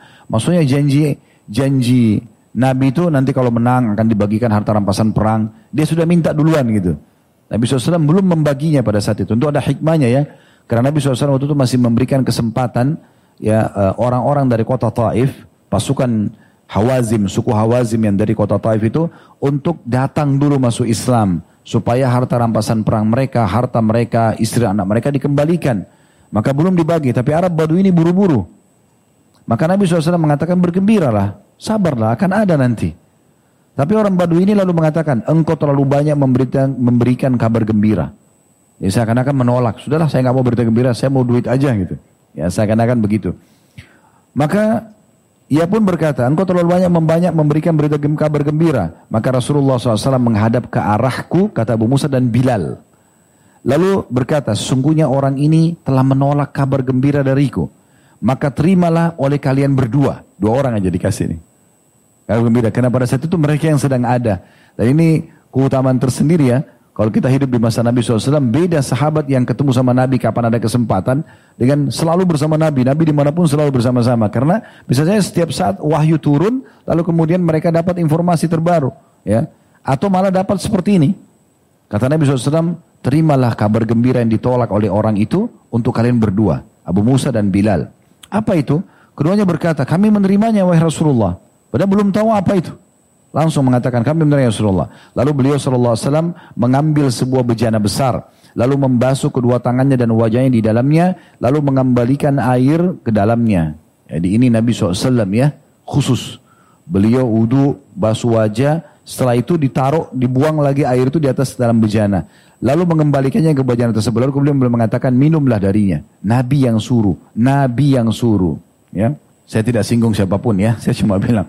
Ini habis bekas wajah Nabi, air wajah Nabi dan air cuci tangan Nabi SAW. Kata Nabi SAW, minum untuk kalian berdua. Abu Musa dan ya Bilal. Lalu tuangkan di atas kepala kalian dan bagian dada kalian berdua. Lalu mereka berdua segera lakukan. Ya, tidak menunggu. Nanti kita akan menjelaskan ini di masalah pelajaran yang bisa kita ambil. Ini masih saya masih bacakan apa yang ditulis di sini ya. Mudah-mudahan antum tidak bosan. Ini masih belum masuk ini, masih banyak yang belum dibahas. Siap ya? Kemudian keduanya melakukan hal tersebut. Ngambil air, diminum, diusap di kepala, usap di dada. Ternyata pada saat itu di balik tirai ada Ummu Salamah radhiyallahu Beliau kebetulan ikut bersama Nabi SAW di perjalanan itu. Lalu Ummu Salamah istri Nabi pun mengatakan, sisakan untuk ibunda kalian berdua. Maka keduanya menyisakan untuknya air itu. Air sisanya Nabi SAW. Abu Musa terus saja mempercayai Nabi SAW dan terus saja bertahan dengan keimanannya dan beliau masih hidup cukup panjang umurnya sampai di masa kekhilafaan Ali radhiyallahu anhu. Bahkan lebih daripada itu ya, sampai lewat dari masa kekhilafaannya Muawiyah. Masih hidup. Umurnya cukup panjang dikasih oleh Allah Subhanahu wa taala. Karena Ali bin Abi Thalib wafat di tahun 40 Kemudian didiri, berdiri dinasti pertama dalam Islam Umayyah dari tahun 40 sampai 132. Nah tahun 40 sampai tahun 60 itu masa jabatannya Muawiyah bin Abi Sufyan radhiyallahu anhum ajmain. Nah, beliau meninggal di tahun 63. Berarti setelah lewat masa Muawiyah. Jadi cukup panjang ada lima khalifah setelah Nabi SAW beliau hidup. Abu Musa al-Ash'ari memiliki kedudukan yang sangat tinggi di sisi para sahabat. Radhiyallahu anhu. Diriwayatkan oleh Abu al-Bukhturi, ia berkata, kami datang kepada Ali Lalu bertanya kepadanya tentang para sahabat Muhammad SAW. Maka ia berkata, tentang siapa di antara mereka yang kalian tanyakan? Kami bertanya tentang Ibnu Mas'ud, Abdullah bin Mas'ud radhiyallahu anhu. Ia mengatakan, ia mengetahui Al-Quran dan Sunnah. Lalu ia berhenti dan berkata, dan cukuplah ilmu darinya. Kami bertanya, kalau Abu Musa bagaimana? Maka Ali pun mengatakan, subiga fil ilmi sibghatan thumma kharaja min. Kalau Abu Musa sendiri terbeda. Dia seperti orang yang dicelupkan ke dalam ilmu, kemudian dikeluarkan darinya. Yang ini diriwayatkan atau disebutkan oleh uh, Al-Fasawi dalam kitab Tarikh jadi dua halaman 540 dan Syekh Al-Arnaud mengatakan semua perawinya thiqah. Ya, maksudnya di sini adalah saking kuatnya ilmunya jadi seperti dia memahami semua bagian daripada agama ini karena sudah dicelupin. Ya, celup itu berarti semuanya ter, terkena ya, kemudian baru dikeluarkan. Juga diriwayatkan dari Al-Aswad bin Yazid. Ia mengatakan aku tidak pernah melihat orang yang lebih berilmu daripada Ali dan Abu Musa di Kufah. Radiyallahu anhuma. Yang disebutkan oleh Ibnu Asakir dan juga Az-Zahabi dalam kitab Syiar Alam Nubala. Abu Musa sendiri ya dipuji juga oleh yang lainnya seperti Masruk ya. Rahimahullah seorang tabi mengatakan yang menguasai masalah pengadilan di kalangan para sahabat ada enam orang. Umar, Ali, Ibnu Mas'ud, Ubay, Zaid dan Abu Musa radhiyallahu anhu jema'in. Juga diriwayatkan dari Asy-Sya'bi ia mengatakan para hakim umat ini adalah Umar, Ali, Zaid dan Abu Musa radhiyallahu anhum ajma'in. Jadi Abu Musa selalu dilibatkan. Diriwayatkan juga dari Safwan bin Sulaim ia mengatakan tidak ada yang berani, tidak ada yang berani berfatwa dari masjid atau di masjid Nabi SAW semasa beliau masih hidup. Nabi masih hidup, tidak semua orang berfatwa tanya kepada Nabi kecuali Umar, Ali, Mu'ad dan Abu Musa al-Asy'ari radhiyallahu ajma'in. Diriwayatkan juga dari Anas radhiyallahu anhu yang mengatakan Al-Asy'ari memutus mengutusku menemui Umar.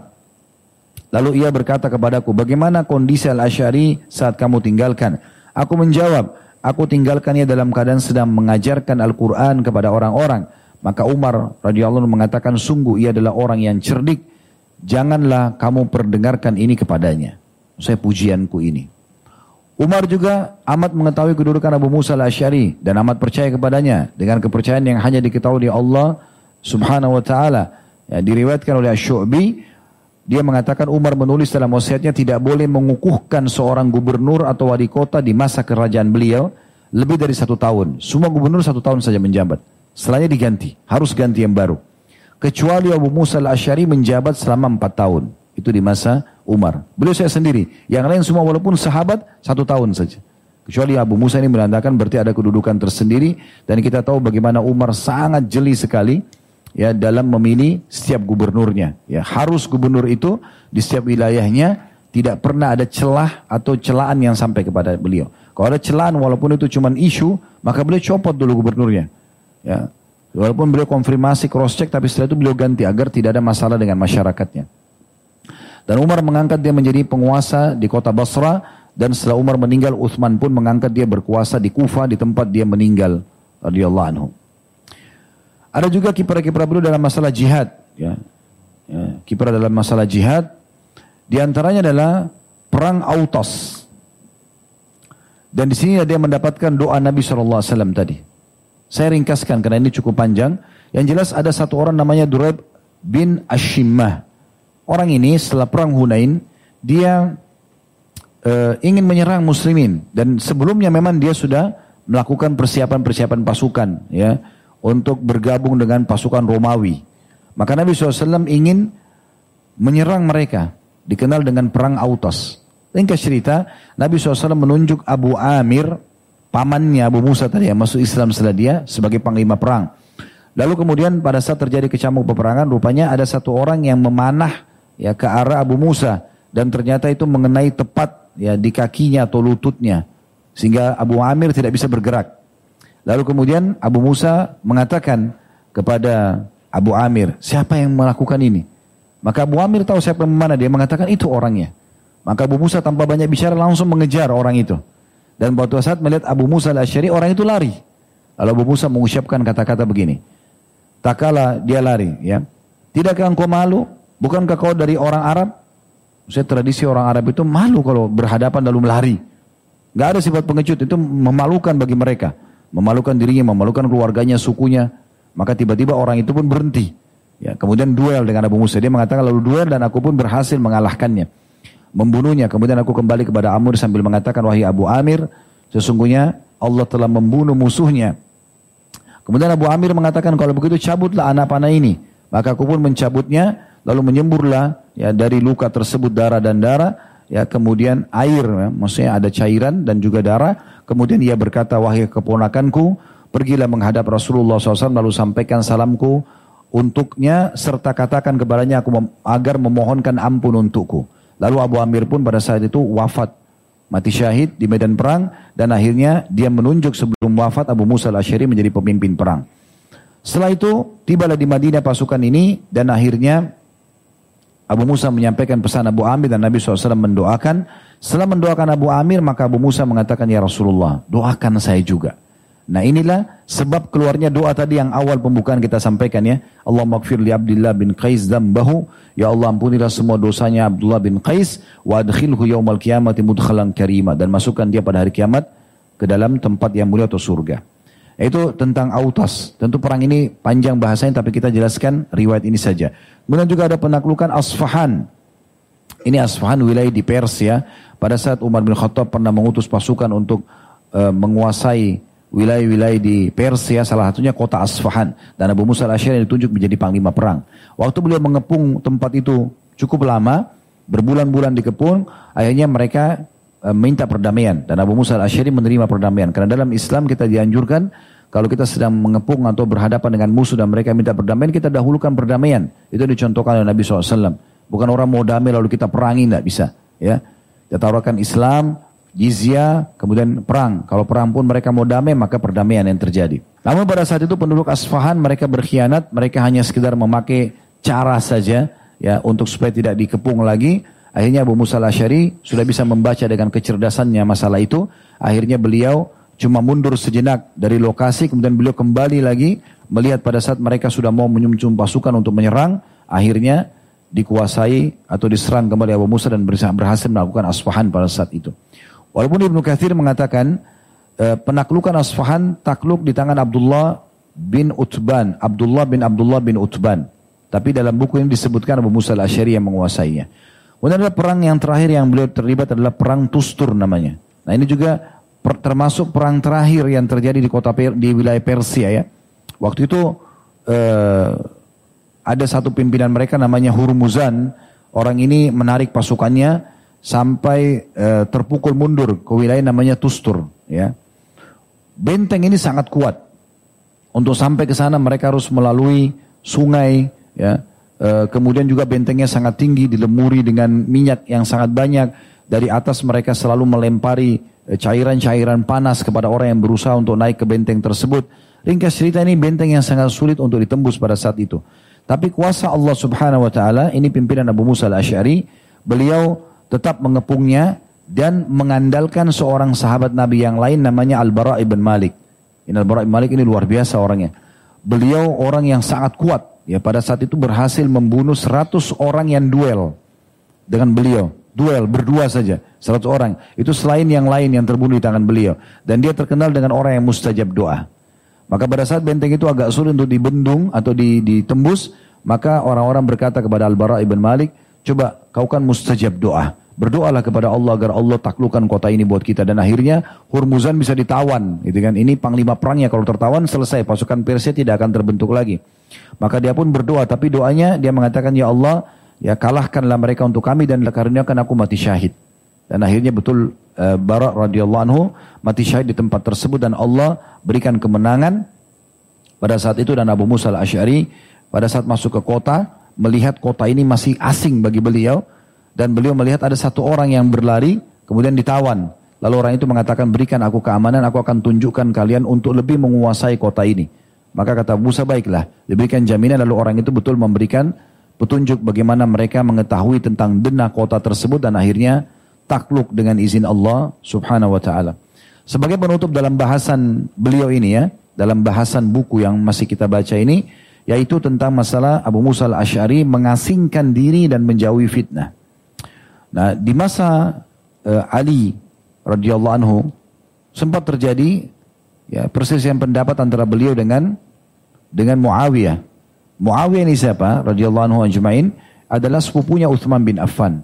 Dia menjadi gubernur di negeri Syam dan Muawiyah ini menjadi gubernur di negeri Syam. Beliau uh, kalau tidak salah sempat 20 tahun jadi gubernur di negeri Syam ya. Turut dari zaman Umar sampai zaman Uthman. Nah, waktu Uthman terbunuh, beliau tidak ingin membayat Ali karena pertimbangannya adalah minta Ali tolong tangkap dulu pembunuhnya Utsman. Selain khalifah muslimin, dia juga sepupu saya gitu. Tapi Ali bilang, nggak mungkin kalau saya tidak dibaiat dulu, nggak mungkin gitu. Bagaimana bisa saya ya menangkap pembunuhnya kalau saya jadi pemerintah baru bisa. Nah itu awal sebab perselisihan gitu kan. Dan ini sudah sering kita jelaskan di masa kita membahas khalifah yang keempat Ali radhiyallahu anhu dan banyak sekali panjang lebar riwayatnya kalau kita ingin bahas ini ya. Tapi jelas pada saat itu ada persen terjadi lalu kemudian sempat Muawiyah mengirim surat kepada Abu Musa al-Ash'ari dan mengatakan begini. Isinya, Amma ba'd, Amr bin As telah berbaiat kepadaku atas apa yang aku inginkan.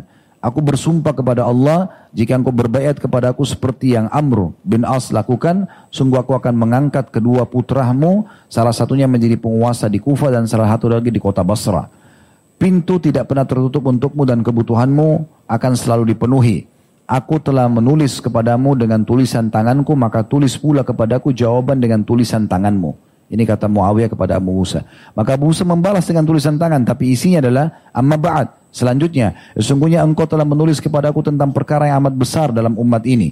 Apa yang akan aku katakan kelak kepada Robku bila aku menghadapnya. Apa yang engkau tawarkan ini, aku tidak memerlukannya. Wah, wah. Kemudian beliau salam mengatakan wassalamu alaik. Gitu. Artinya beliau menolak gitu ya. Maka pada saat itu Abu Burda, ini tadi yang saya katakan nama daripada anak Abu Musa, di akhir-akhir disebutkan, putra Abu Musa berkata, Takala Muawiyah menjadi khalifah, aku datang kepadanya, dan benarlah tidak pernah tertutup pintu untukku dan tidak satupun kebutuhanku kecuali dipenuhi. Dan ini merupakan juga bagian daripada akhlak Muawiyah.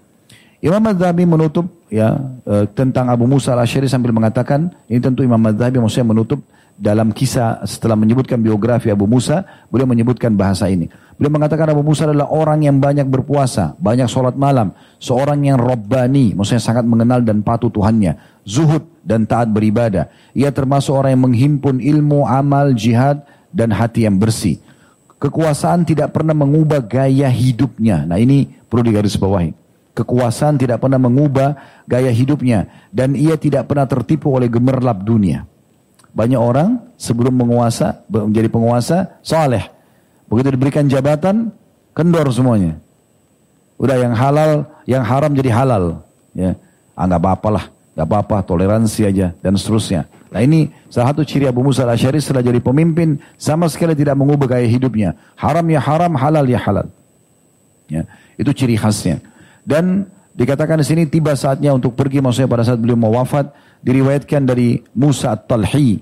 Ia berkata, sebelum wafat Abu Musa Al-Asyari beristihad dengan sekeras-kerasnya. Maksudnya selalu giat dalam beribadah. Lebih daripada sebelumnya di masa beliau tua. Ya, jadi lebih, lebih gencar lagi ibadah. Lalu ditanyakan kepada beliau.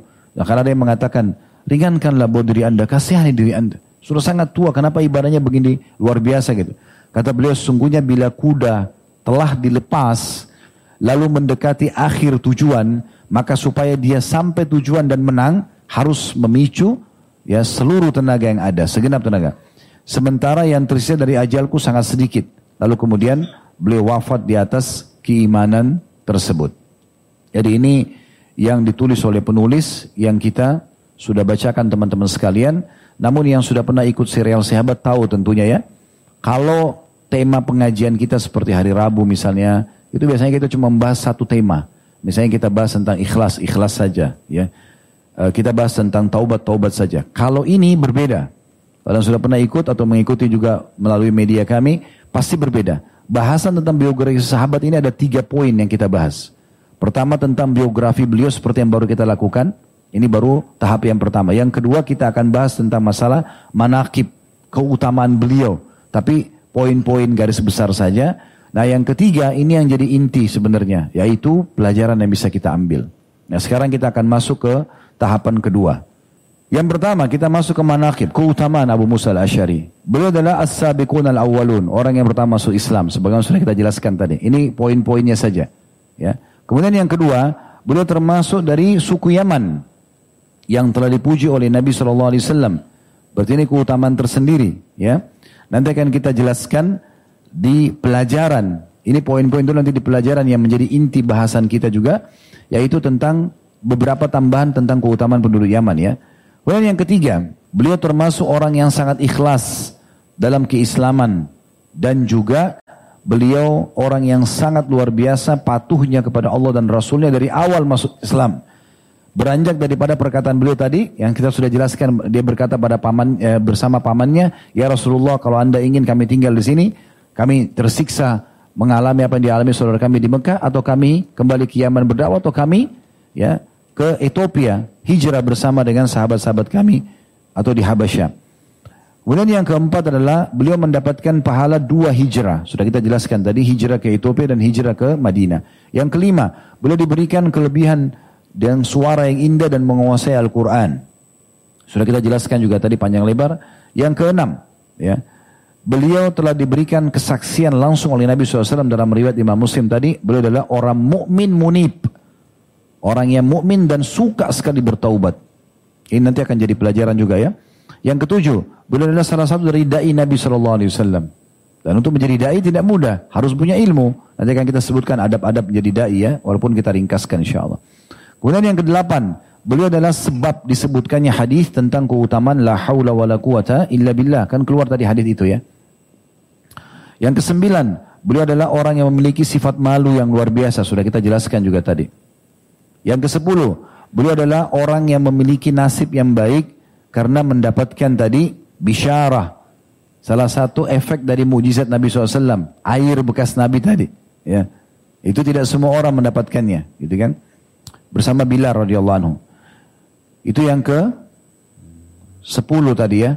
Yang ke sebelas, beliau adalah orang yang berilmu sesuai dengan kesaksian para sahabat dan para tabiin tadi sudah kita jelaskan juga. Yang kedua belas, beliau adalah seorang mujahid yang ikhlas dan beliau menjadi pemimpin di perang Autas, Asfahan dan juga pembebasan Tustur tadi. Yang ketiga belas, beliau menyelamatkan diri dari fitnah, terutama pada saat terjadi ya peperangan antara Muawiyah dan Ali radhiyallahu anhum majma'in. Dan yang terakhir adalah yang ke-14 beliau adalah ahli ibadah dan juga zuhud yang terkenal sebagaimana tadi perkataan Imam Az-Zahabi rahimahullah. Ya. Baik kita akan masuk teman-teman ke poin yang terakhir dalam masalah tabligh akbar kita ini dan ini yang kita ingin bahas ya. Lebih dalam saya minta teman-teman masih bisa semangat insya Allah. Kita akan bahas poin-poin tadi yang ke-14 itu tapi dalam bentuk sedikit penjelasan. Yang pertama, bahwasanya beliau adalah as-sabiqun al-awwalun, orang yang pertama masuk Islam. Ini kan keutamaannya. Nah, pelajarannya adalah kita tambahkan saja satu dalil, surah At-Taubah ya, surah nomor 9 ayat 100. Allah memuji orang-orang yang pertama masuk Islam. Yang bunyinya At-Taubah ayat 100, والسابقون الأولون من المهاجرين والأنصار والذين اتبعوهم بإحسان رضي الله عنهم ورضوا عنه وعد لهم جنات تجري من تحت الأنهار خالدين فيها أبدا ذلك الفوز العظيم artinya orang-orang yang pertama-tama masuk Islam dari kalangan muhajirin orang-orang penduduk Mekah akhirnya hijrah atau orang-orang yang masuk Islam di fase Mekah seperti Abu Musa al-Ash'ari ini dipuji di sini dan orang-orang Ansar yang setelah muhajirin masuk Islam di kota Madinah dan orang-orang yang mengikuti kedua kelompok ini muhajirin dan Ansar jadi kita juga Salah satu sebab mempelajari biografi sahabat ini adalah untuk mengikuti mereka dan mengejar keutamaan ayat ini. Ini pelajarannya. Karena Allah mengatakan walladzina tabauhum biihsan dan orang-orang yang mencontohi dan mengikuti muhajirin dan ansar dengan cara yang benar. Apa yang kita dapatkan? Radhiyallahu anhum wa an. Allah ridho kepada mereka dan mereka ridho kepada Allah. Ini teman-teman dengan kita istiqamah di atas agama iman dan eh, agama kita ini dan Islam dan iman ini, maka sampai meninggal kita akan sama dengan para sahabat. Tidak mungkin beda, asal sama. Begitu Allah janjikan dalam ayat ini. Kita mengikuti kekufuran seperti Abu Lahab, Abu Jahal, Fir'aun, Haman, dan seterusnya, Qarun, maka akan sama dengan mereka. Begitu memang. Akibatnya akan sama, tidak akan berbeda. Nabi SAW dan para sahabat diberikan kemuliaan di dunia, nama mereka harum, tinggi derajatnya, Bahkan disebutkan oleh seorang wanita tentang Umar bin Khattab, sesungguhnya Hai bin Khattab, kau di Mekah tidak ada yang kenal sebelumnya. Tapi Allah muliakan dengan keislaman. Kan gitu. Jadi kalau bukan karena Islam tidak akan dikenal nama-nama sahabat. Tapi karena mereka masuk Islam, mereka dikenal. Bahkan menjadi raja-raja muslimin. Mereka menjadi da'i-da'i kaum muslimin. Begitu juga dengan orang-orang yang mengikutinya. Jadi tinggal kita istiqomah, kita akan bersama-sama dengan mereka. Satu gerbong menuju ke sana insya Allah. Lalu Allah mengatakan, Allah ridho kepada mereka, mereka, uh, mereka ridho kepada Allah dan Allah Allah ridho kepada mereka dan mereka ridho kepada Allah dan a'adda lahum jannatin tajri min tajri tahtal anharu khalidina fiha abada. Dan Allah menjanjikan buat mereka orang yang mengikuti jejak para sahabat kayak kita ini tujuan belajar untuk itu akan diberikan surga yang di bawahnya mengalir sungai-sungai dan kekal selamanya di dalamnya. Dalikal fawzul azim itulah kemenangan yang besar. Ini tentang as-sabiqun al-awwalun. Yang kedua, tentang masalah keutamaan penduduk Yaman. Kita bagi menjadi beberapa poin. Yang pertama, ahli Yaman terkenal dengan iman dan hikmahnya. Tadi sudah kita jelaskan beberapa riwayat ya. Yang terakhir tadi hadis Bukhari Muslim, atakum ahlul Yaman hum araku afidatan wa alyanu kuluban al-imanu yamanin wal hikmatu yamaniyah.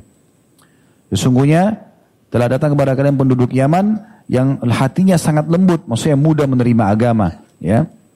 Dan juga iman itu tolak ukurnya bisa dari orang-orang Yaman. Karena mereka kalau satu kali berpegang, mereka berpegang teguh.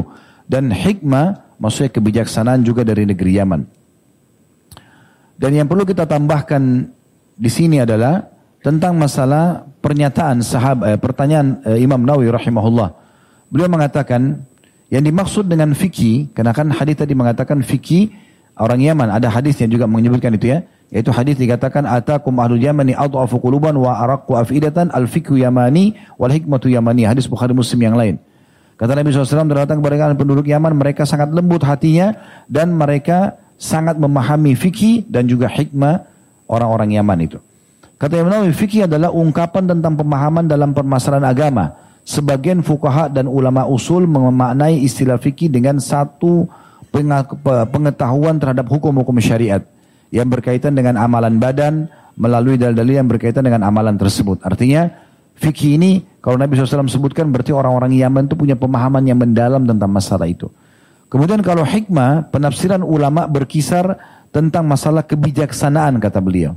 Kebijaksanaan artinya mereka lebih bijaksana, mereka lebih lapang dada. Itu yang dimaksud dengan kelebihan tadi orang-orang Yaman. Dan kata Imam Nawawi rahimahullah setelah disaring lagi, maka makna hikmah adalah ilmu yang berkaitan dengan hukum-hukum syariat yang mencakup pengetahuan tentang Allah Azza wa Jal dengan kemampuan memandang permasalahan eh, dengan basir atau ilmu, jiwa beretika, merealisasikan kebenaran, mengaplikasikannya dalam kehidupan sehari-hari dan menahan diri dari mengikuti hawa nafsu. Kalau orang yang menyatukan antara ilmu sama ibadah, maka mereka tidak membedakan lagi mana wajib mana sunnah. Sebagaimana mereka sibuk kerjakan wajib, mereka sibuk kerjakan sunnah. Ya. Nah ahli ibadah ini sesuai dengan sabda Nabi SAW disebutkan oleh Ibnu Abi Asim dan ini disahihkan oleh Syekh Mukbil hadisnya. Kata Nabi SAW, Innahu sayati kaumun tahkiruna amalakum ila amalihim. Kata Nabi SAW, nanti akan datang kepada para sahabat yang sudah masuk Islam. Nanti akan datang tidak lama lagi, orang-orang yang kalian anggap remeh nanti ibadah kalian dibanding ibadah mereka. Karena mereka serius sekali dalam ibadah. Qalu Halhum Quraisy? Para sahabat mengatakan, apakah mereka orang-orang Quraisy ya Rasulullah? Kata Nabi SAW, La walakin hum ahlu Yaman. Bukan, tapi mereka adalah penduduk Yaman. Yang ketiga, orang-orang Yaman adalah orang yang pertama datang me, me, mengaplikasikan salaman. Bersalaman. Yang pertama melakukan itu adalah orang-orang Yaman. Sebagaimana sabda Nabi SAW dalam hadis yang sahih, Qad ja'akum ahlu Yamani wahum awwalu man ja'a bil musafahah. Dan datang penduduk Yaman kepada kalian waktu itu di Madinah, ya, dan mereka adalah orang yang pertama mengayunkan tangan untuk salaman. Jadi ternyata sebelum itu belum pernah dilakukan gitu ya. Jadi pada saat uh, Abu Musa al-Ashri dan sukunya datang dari Ethiopia bersama Ja'far bin Talib tadi ke perang Khaybar, lokasi perang Khaybar, maka mereka cuma assalamualaikum begitu saja, terus berpelukan tapi tidak salaman. Tiba-tiba Abu Musa al-Ashri dengan kelompoknya ini berbeda. Mereka ajak salaman semuanya satu-satu. Maka Nabi SAW waktu lihat mengatakan mereka adalah orang yang pertama mencontohkan salaman dan akhirnya menjadi hukum tersendiri. Ya, kalau sudah tahu Alhamdulillah. Kalau belum tahu saya ingatkan salah satu hadisnya. Kata Nabi SAW tidak ada dua orang muslim yang salaman kemudian melepaskan tangannya kecuali dosa-dosa keduanya akan berguguran. Dan yang panen pahala itu ahli Yaman yang memulainya. Ya seperti itu. Kemudian yang kelima, mereka adalah sebaik-baik penduduk bumi. Sebagaimana dijelaskan dalam hadis Bukhari dan Imam Ahmad. Kata Nabi SAW, Yushiku ayattali alaikum ahlul Yaman, ka'annahum qita'us sahab, atau qita'atus sahab. Hum khiyaru min man fil ard. Akan datang pada kalian penduduk Yaman, mereka itu seperti awan-awan. Awan itu kan tidak pernah mengganggu orang, ya, kalau dia lagi terang, gitu kan. Kalaupun dia datang menurunkan hujan, ya turun hujan. Ya, habis itu dia terang lagi, dia jalan. Ya, banyak manfaatnya. Maka kata Nabi SAW, mereka adalah sebaik-baik penduduk bumi. Jadi pujian yang pertama tadi adalah mereka adalah pemilik iman dan hikmah atau kebijaksanaan. Yang kedua mereka adalah ahli ibadah. Yang ketiga mereka mulai bersalaman. Yang keempat mereka adalah sebaik-baik penduduk bumi. Nah, yang kelima adalah mereka orang yang nanti paling pertama minum dari haud Nabi SAW di hari kiamat. Itu dijelaskan dalam sebuah riwayat Riwayat ini diriwayatkan oleh Imam Muslim, tentunya Imam Muslim berarti dengan sanad sahih, ya. Kata Nabi SAW, Inni labi ukri haudi yaumal qiyamah azudun nasa li ahli yaman wa adribuhum bi asaya ma wa adribuhum bi asaya hatta yurfadda alaihim. Artinya, sesungguhnya kelak aku berada di samping haudku atau telagaku, kemudian aku akan menghalangi orang-orang yang meminum dari telagaku sampai penduduk Yaman meminumnya terlebih dahulu. Jadi mereka akan lebihkan lebih dulu. Dan kita sudah tahu keutamaan haud atau telaga Nabi. Kata Nabi SAW, siapa yang minum seteguk tidak akan pernah haus selamanya. Dan telaga Nabi sumbernya dari surga airnya. Kata Nabi SAW, aku akan memukul dengan tongkatku air itu. Sehingga air telaga itu mengalir untuk mereka. Ini keutamaan yang kelima. Yang keenam, Nabi SAW mendoakan mereka agar mendapatkan keberkahan. Sebagaimana hadits Bukhari dan juga Ahmad Kata Nabi SAW, Allah barik lana fi syamina, Allah barik lana fi yamanina. Dua kali. Ya Allah berkahilah negeri Syam kami dan berkahilah negeri Yaman kami. Jadi ini doa Nabi SAW untuk mereka. Yang ketujuh, pasukan muslimin yang akan membawa kemenangan Islam di akhir zaman nanti ada salah satunya di Yaman. Sebagaimana hadis riwayat Ahmad dan Abu Daud dan disahihkan oleh Syekh Albani kata Nabi SAW, saya sirul amru ila an takunu junudan mujannada. Perkara agama ini akan terus saja berkembang sampai nanti terbentuk pasukan yang rapi. Kata Nabi SAW, Jundun Bisyam, ada tentara di negeri Syam, wa Jundun bil Yaman, tentara di Yaman wa jundun bil Iraq dan tentara di Irak. Ya, tentu riwayat ini masih ada sambungannya, tapi saya tidak baca semuanya. Intinya saksi bahasannya saja sampai ke poin itu. Ini adalah pelajaran yang kedua dari hadis. Pelajaran pertama tadi sabiqun al awwalun ya. Pelajaran yang kedua adalah kedudukan penduduk Yaman. Pelajaran ketiga yang bisa kita ambil dari sini adalah tentang masalah keutamaan orang yang ikhlas dan taat kepada Allah dan Rasulnya. Ya. Ini mungkin tidak asing lagi, tapi di antara dalil saya, saya ringkaskan saja adalah firman Allah Subhanahu wa taala dalam surah Al-Baqarah surah nomor 2 ayat 132 yang bunyinya wa Allah wa rasul la'allakum turhamun. Taatlah selalu kepada Allah dan Rasulnya, semoga kalian mendapatkan rahmat. Dan ini pelajaran dari kehidupan Abu Musa al-Asyari bagaimana beliau sangat patuh kepada Allah dan Rasulnya dari awal sampai beliau wafat gitu. Kita sudah jelaskan tadi kisahnya panjang lebar. Dari awal begitu sudah syahadat sampai wafatnya beliau dalam memperjuangkan agama ini. Begitu juga ya kata Nabi SAW dalam hadis Bukhari Muslim, Man ata'ani faqad ata Allah, wa man asani faqad asallah.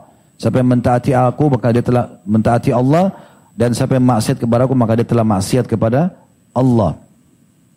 Dan juga sabda Nabi SAW yang mulia hadis Bukhari, Kullukum yadkhulul jannata illa man aba. Kalian semua pasti masuk surga kecuali yang menolak. Kalau wa ya'ba ya Rasulullah. Kata para sahabat, siapa yang mau menolak ya Rasulullah masuk surga? Kata Nabi SAW, Man ata'ani dakhalal jannah. Siapa yang patuh kepada aku masuk surga. Wa man asani faqad aba. Dan yang menolak, yang berbuat maksiat, maka dia telah menolak. Nabi SAW sudah ingatkan, sholat, puasa, zakat, bakti sama orang tua, jenguk orang sakit, bantu orang susah, hadir majelis ilmu, macam-macam keutamaan dan semua keutamanya. Lakukan ini. Taati dan tinggalkanlah zina, riba, bohong, apa segala macam. Nah, Nabi sudah ingatkan itu ada ancamannya, itu ujungnya nerakanya, ujungnya surga. Siapa yang taat kepada Nabi berarti masuk surga. Siapa yang maksiat berarti akan masuk neraka. Ringkasnya begitu. Jadi ini eh, perintah-perintah yang disampaikan dan juga hadis Nabi SAW yang masyhur ya. Di mana beliau sebutkan dalam hadis Muslim, "Faida amartukum bi syai'in fa'atu fa'atu bi minhu mastata'tum." Kalau aku perintahkan sesuatu maka kerjakan semampu kalian. Wa idza nahaitukum an syai'in fada'u. Kalau aku larang tinggalkan segera. Jadi walaupun Rasulullah SAW sudah meninggal, tujuan antum seperti hadir di tempat ini untuk mengetahui apa yang Allah dan Rasulnya ajarkan. Maka kita menerima dan mengamalkan itu. Ya. Ini pelajaran yang ketiga tentang masalah keta ketaatan kepada Allah dan Rasulnya. Ada sebuah riwayat juga yang masyhur ya. Yang kita tutup dengan ini di poin nomor tiga ini. Hadis riwayat Tirmidzi Kata Nabi SAW, Usikum bitaqwallahi wassamma wa ta'ah. Aku perintahkan kalian untuk selalu bertakwa kepada Allah di setiap masa, di setiap tempat dan taat, selalu patuh dan taat. Wa in ammara alaikum abdun habashi, walaupun jadi pemimpin kalian seorang budak yang berkulit hitam dari Ethiopia. Minkum dan kalau kalian yang hidup nanti setelah aku meninggal, wa fi riwayat Abi Daud ba'di. Dan riwayat Abu Daud setelah aku meninggal nanti. Sayara ikhtilafan kathira. Dia akan lihat banyak perselisihan terjadi. Karena sudah tidak ada Nabi. Ya kita sekarang sudah 1400 berjalan kematian Nabi SAW. Lebih dari 1400 tahun. Maka Nabi sudah bilang. Nanti banyak perselisihan di tengah umat Islam itu. Beda-beda pendapat banyak. Apa kata Nabi? Wa iyyakum muhdatsatil umur. Hati-hati kalian dengan hal-hal yang baru dalam ibadah. Fa innaha dhalalah. Kena akan membawa pada kesesatan. Faman adraka dzalika minkum fa alaikum bisunnati. Siapa yang mendapat masa itu banyak perselisihan di tengah umat Islam, banyak pendapat, maka berpegang sungguh berteguh berpegang teguh pada sunnahku wa sunnatul khulafa rasyidin dan sunnah khulafa rasyidin Abu Bakar, Umar, Uthman dan Ali. Abdu alaiha bin nawajid. Berpegang teguhlah walaupun dengan gigi geraham kalian. Jadi ini tentang taat kepada Allah dan Rasulnya. Kemudian pelajaran yang keempat, teman-teman sekalian, pelajaran yang keempat yang bisa kita ambil adalah tentang masalah hijrah ya tentang masalah hijrah. Hijrah ini teman-teman sekalian dibagi dua oleh para ulama, kita ringkaskan juga. Hijrah dari negara kafir ke negara muslim.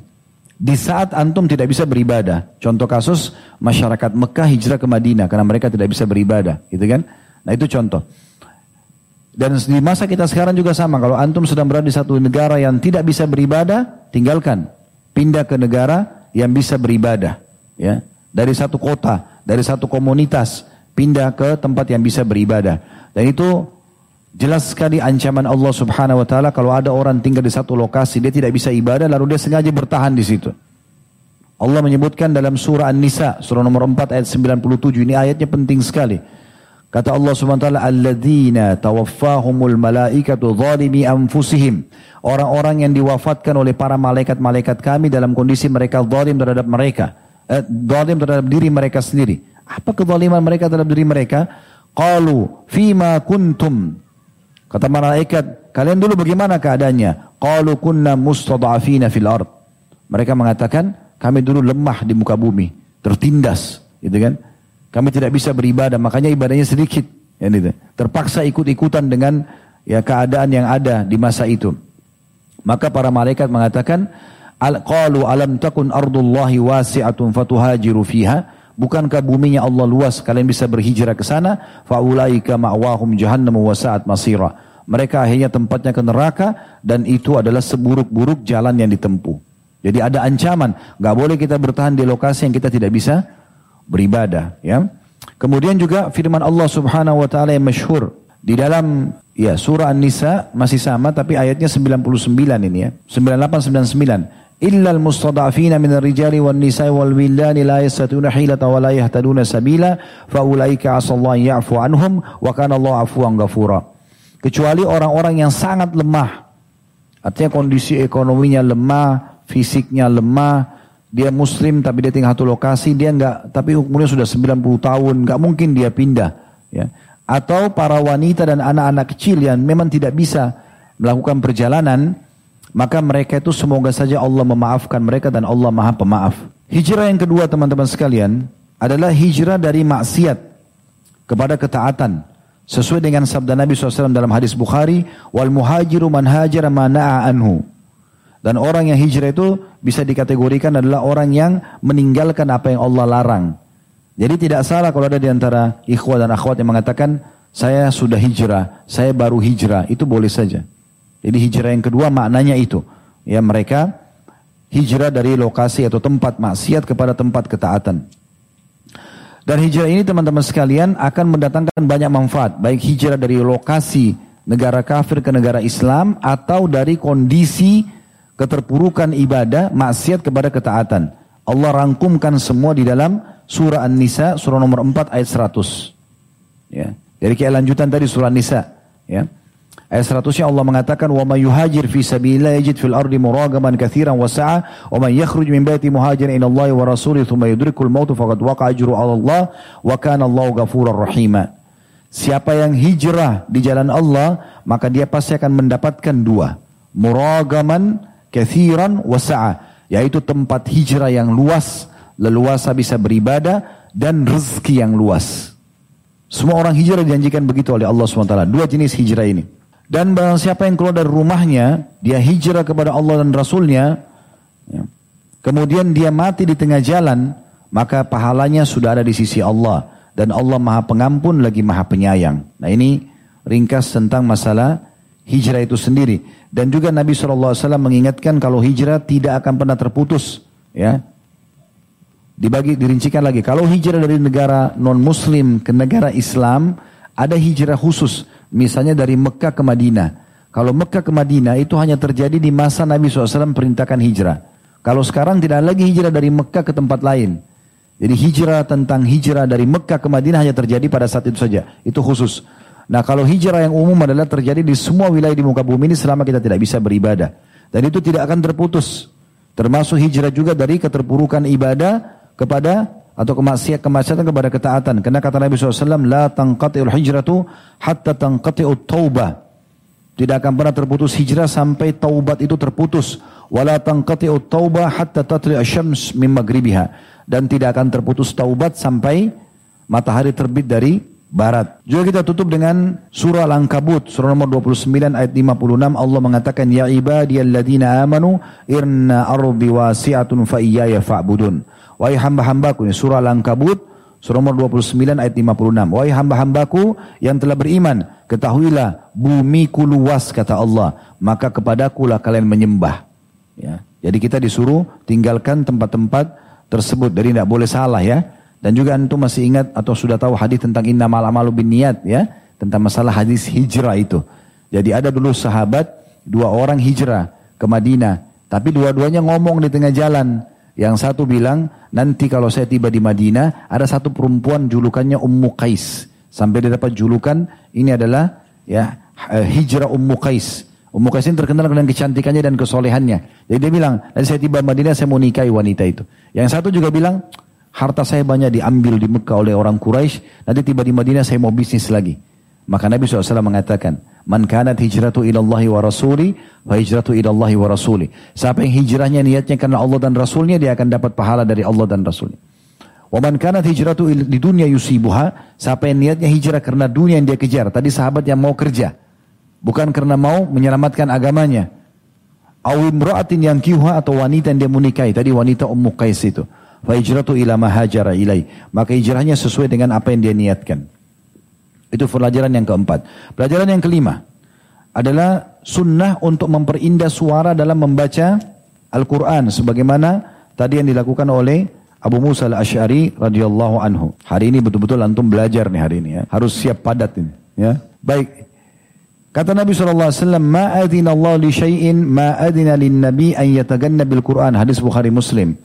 Allah tidak mengizinkan dalam hal melaksanakan sesuatu seperti Allah mengizinkan nabinya untuk melantunkan dengan suara indah Al-Quran. Berarti ada motivasi dalam syariat untuk belajar memperindah suara dalam Al-Quran. Nah ini penting. Juga ya, bagaimana Al-Bara ibn Azib radhiyallahu anhu mengatakan, Sami'tu Nabi SAW yakra wattini wa zaitun fil isya. Aku pernah mendengarkan Nabi SAW baca surah wattini wa zaitun dalam solat isya. Wa ma sami'tu ahadan ahsanu sautan minhu au kira'ah.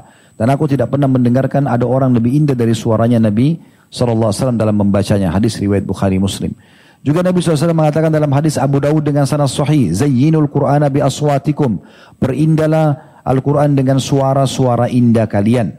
Dan juga beliau mengatakan dalam hadis riwayat Abu Dawud. Ahmad dengan sanad sahih. Laisa minna man lam yataganna bil Qur'an. Bukan dari golongan kami yang tidak berusaha memperindah suaranya dalam membaca Al-Quran. Jadi ini ada anjuran untuk memperindah bacaan Quran. Termasuk juga di sini adalah orang yang dipilih menjadi imam, muazzin, itu anjurannya agar dicari yang suaranya bagus ya. Kalau antum sudah pernah tahu Alhamdulillah. Kalau belum saya ingatkan, saya sampaikan. Yang pertama mimpi melihat, mendengarkan lafad azan seseorang yang bernama Abdullah. Radiyallahu sahabat Nabi, mimpi dia. Kemudian dia menceritakan kepada Nabi SAW. Karena waktu itu Nabi waktu hijrah ke Madinah kan belum ada azan. Maka Nabi suruh sahabat cari tahu ini apa nih yang bisa menyatukan kita untuk sholat. Ya. Waktu itu mereka cuma lihat matahari. Ya. Oh ini kalau sudah melewati dari tengah-tengah maka sudah masuk waktu duhur.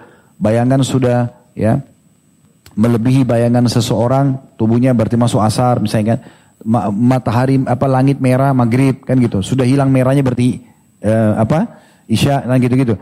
Nah akhirnya Nabi SAW suruh sahabat coba cari sesuatu yang bisa kita jadikan sebagai simbol. Ada sahabat yang mau pakai trompet orang Yahudi, ada yang sempat mau cari lonceng Nasrani gitu kan. Tapi Abdullah ini mimpi. Dia lihat dalam mimpinya ada satu orang yang pegang lonceng. Lalu dia mengatakan, dalam mimpi tidak bisa diatur. Dia mengatakan, mau nggak kau jual lonceng itu? Kata orang dalam mimpi itu untuk apa? Dia bilang untuk ya, saya kami gunakan untuk uh, siapa uh, panggilan sholat kami. Maka orang itu dalam mimpi mengatakan, mau nggak saya tunjukkan yang lebih baik daripada lonceng ini? Kata Abdullah, baiklah. Lalu diajarkan lafad azan. Nah begitu bangun lalu beliau datang kepada Nabi SAW mengatakannya Rasulullah saya mimpi begini.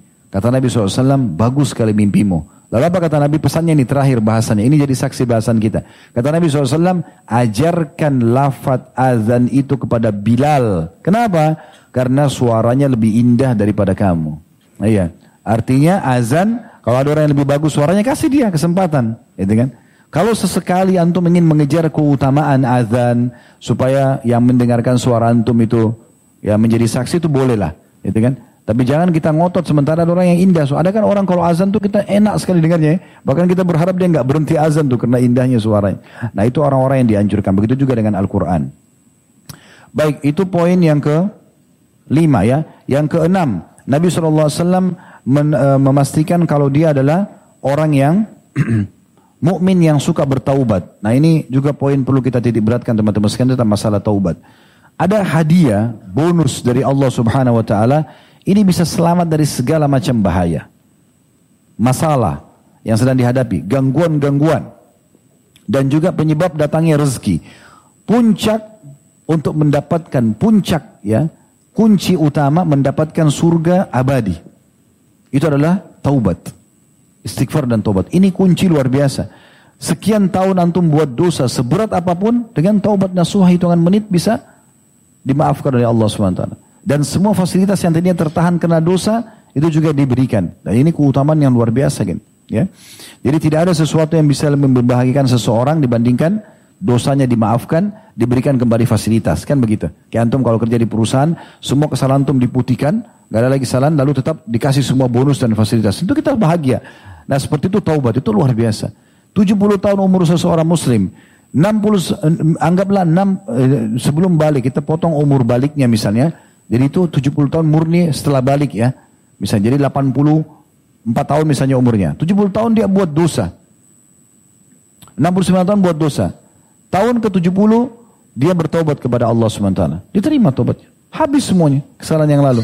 At-taubat tajubu maqablaha kata Nabi SAW. Ini luar biasa ini. Ya.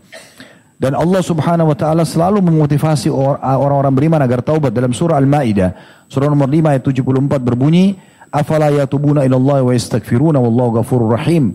Mengapa mereka tidak segera taubat kepada Allah dan memohon ampun kepadanya sementara Allah itu maha pengampun dan maha penyayang. Dalam surah Al-Muzammil, surah nomor 73 ayat 20 Allah mengatakan wastagfirullah innallaha ghafurur rahim. Beristighfarlah kalian dan bertobat kepada Allah, sungguh dia maha pengampun lagi maha pengasih. Ada sebuah hadis yang mulia sekali. Hadis ini setiap kali saya ulangi, saya baca kayak terbaharui lagi gitu ya. Padahal sudah sering kita dengar. Hadis riwayat Trimidi dengan sanad hasan sahih. Kata Nabi SAW, Allah berfirman, ini hadis kudsi, Ya bena Adam, wahai anak Adam, Lau balagat dhunubuka ananas sama, Thumma stagfartani gafartu laka wala ubali. Wahai anak Adam, kalau dosa-dosamu sampai memenuhi langit, seluruh bumi dan langit ini penuh dengan dosamu. Lalu kamu datang dan beristighfar kepadaku, aku akan maafkan tanpa aku peduli dosamu itu. Apalagi yang lebih hebat dan lebih baik daripada ini teman-teman. Dimaafkan kesalahan. Dan bukan cuma itu ya. Kalau kita sama manusia mungkin dimaafkan kesalahan. Tapi setelah itu dia tidak berikan kita fasilitas. Kalau Allah tidak. Dikembalikan semua fasilitasnya. Ini luar biasa. Kemudian juga Allah SWT menjanjikan dalam surah Hud. Orang yang banyak istighfar, banyak taubat akan diberikan kenikmatan dunia dan kenikmatan akhirat. Ya. Kata sebagaimana Allah sebutkan surah Hud surah nomor 11 ayat 3-nya, "Wa nistaghfiru rabbakum thumma tubu ilai yumatti'kum mata'an hasanan ila ajalin musamma." Dan uh, Allah mengatakan dan beristighfarlah kalian kepada Tuhan kalian dan bertobatlah kepadanya maka dia akan memberikan kenikmatan yang terus-menerus serta ya kehidupan yang bahagia sampai waktu yang sudah dijanjikan di dunia dan juga di akhirat nanti akan dikasih. Ibnu Abbas berkata radhiyallahu anhu memberi kalian kenikmatan yang baik adalah rezeki dan kelapangan. Ya. Dan cukup banyak dalil tentang masalah istighfar, tapi ada poin yang saya ingin uh, titik beratkan teman-teman sekalian. Dalil ini uh, sangat menyentuh sebenarnya kalau bagi saya ya, dan mudah untuk diamalkan gitu. Ada dua buah dalil. Yang pertama, hadis riwayat Bukhari Muslim kata Nabi SAW, "Ida aznamal abdu dzamban."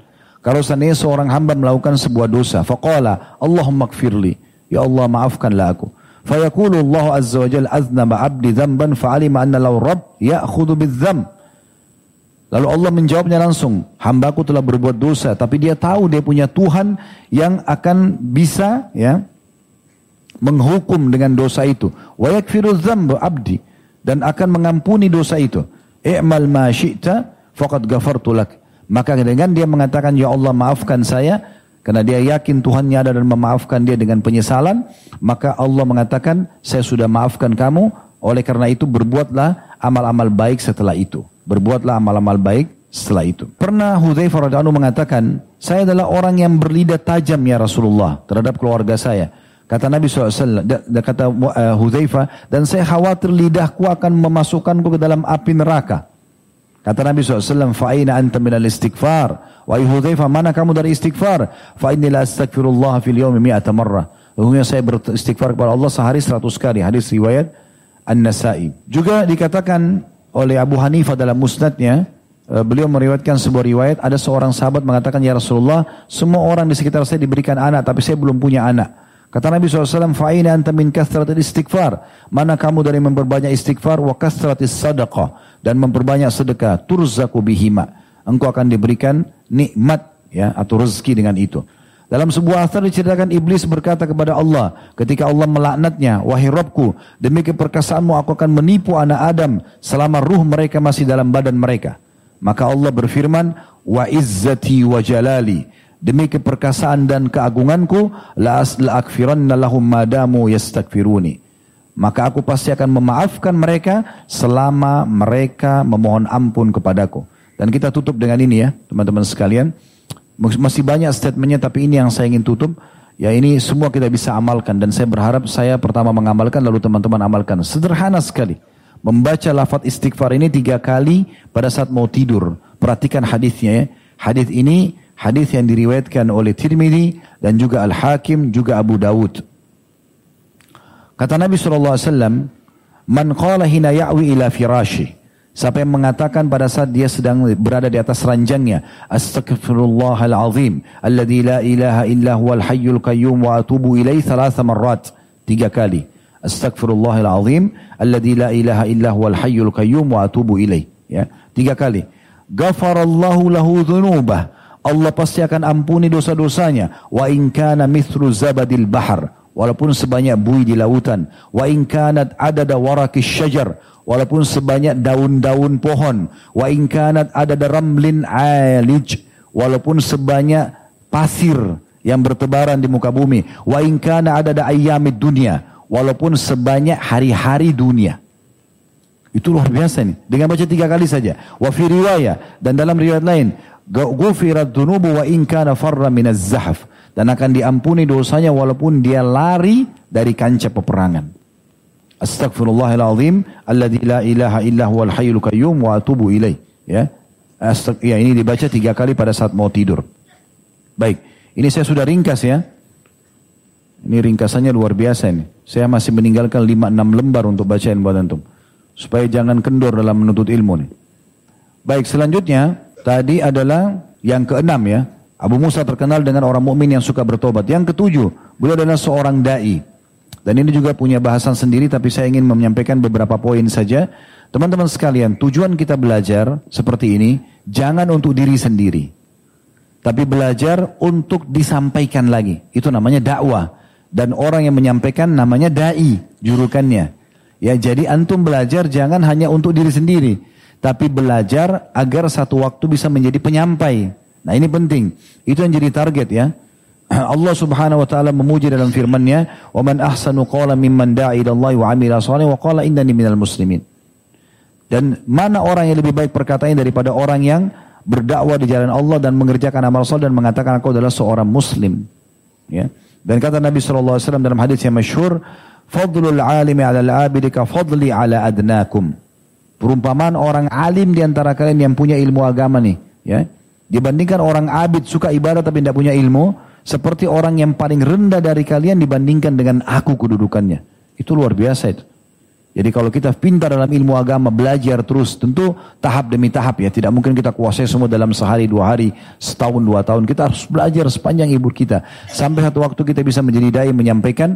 Dan itu kata Nabi SAW, perumpamaan orang yang sudah alim, tahu hukum agama, ya, Dibandingkan abid yang cuma suka ibadah tidak punya ilmu seperti orang yang paling rendah dari kalian dibandingkan dengan kedudukanku. Jadi tinggi sekali gitu kan. Yang perlu kita garis bawahi adalah orang yang menjadi alim ini akan dimohonkan ampun oleh segala sesuatu yang ada di muka bumi ini, ya. Orang yang berdakwah, ya, itu akan dimohonkan ampun. Nanti kita akan jelaskan di keutamaan orang alim karena termasuk keutamaannya Ya, Abu Musa adalah orang alim. Tapi yang jelas teman-teman yang saya perlu sampaikan sini adalah adab dai. Adabnya yang pertama adalah ikhlas, harus ikhlas. Jangan riak. Sampaikan karena ingin mendapatkan pahala. Jadikan semua orang yang di hadapan kita yang sedang kita dakwahi adalah target supaya mereka, kita ini seperti marketing. Punya produk namanya Islam dan iman. Tawarkan kepada mereka, pastikan mereka bisa menerima dan akhirnya mereka mengamalkan. Dan setiap orang yang mengamalkan kita akan panen pahalanya. Dan itu butuh keikhlasan. Kalau riak tidak akan mungkin.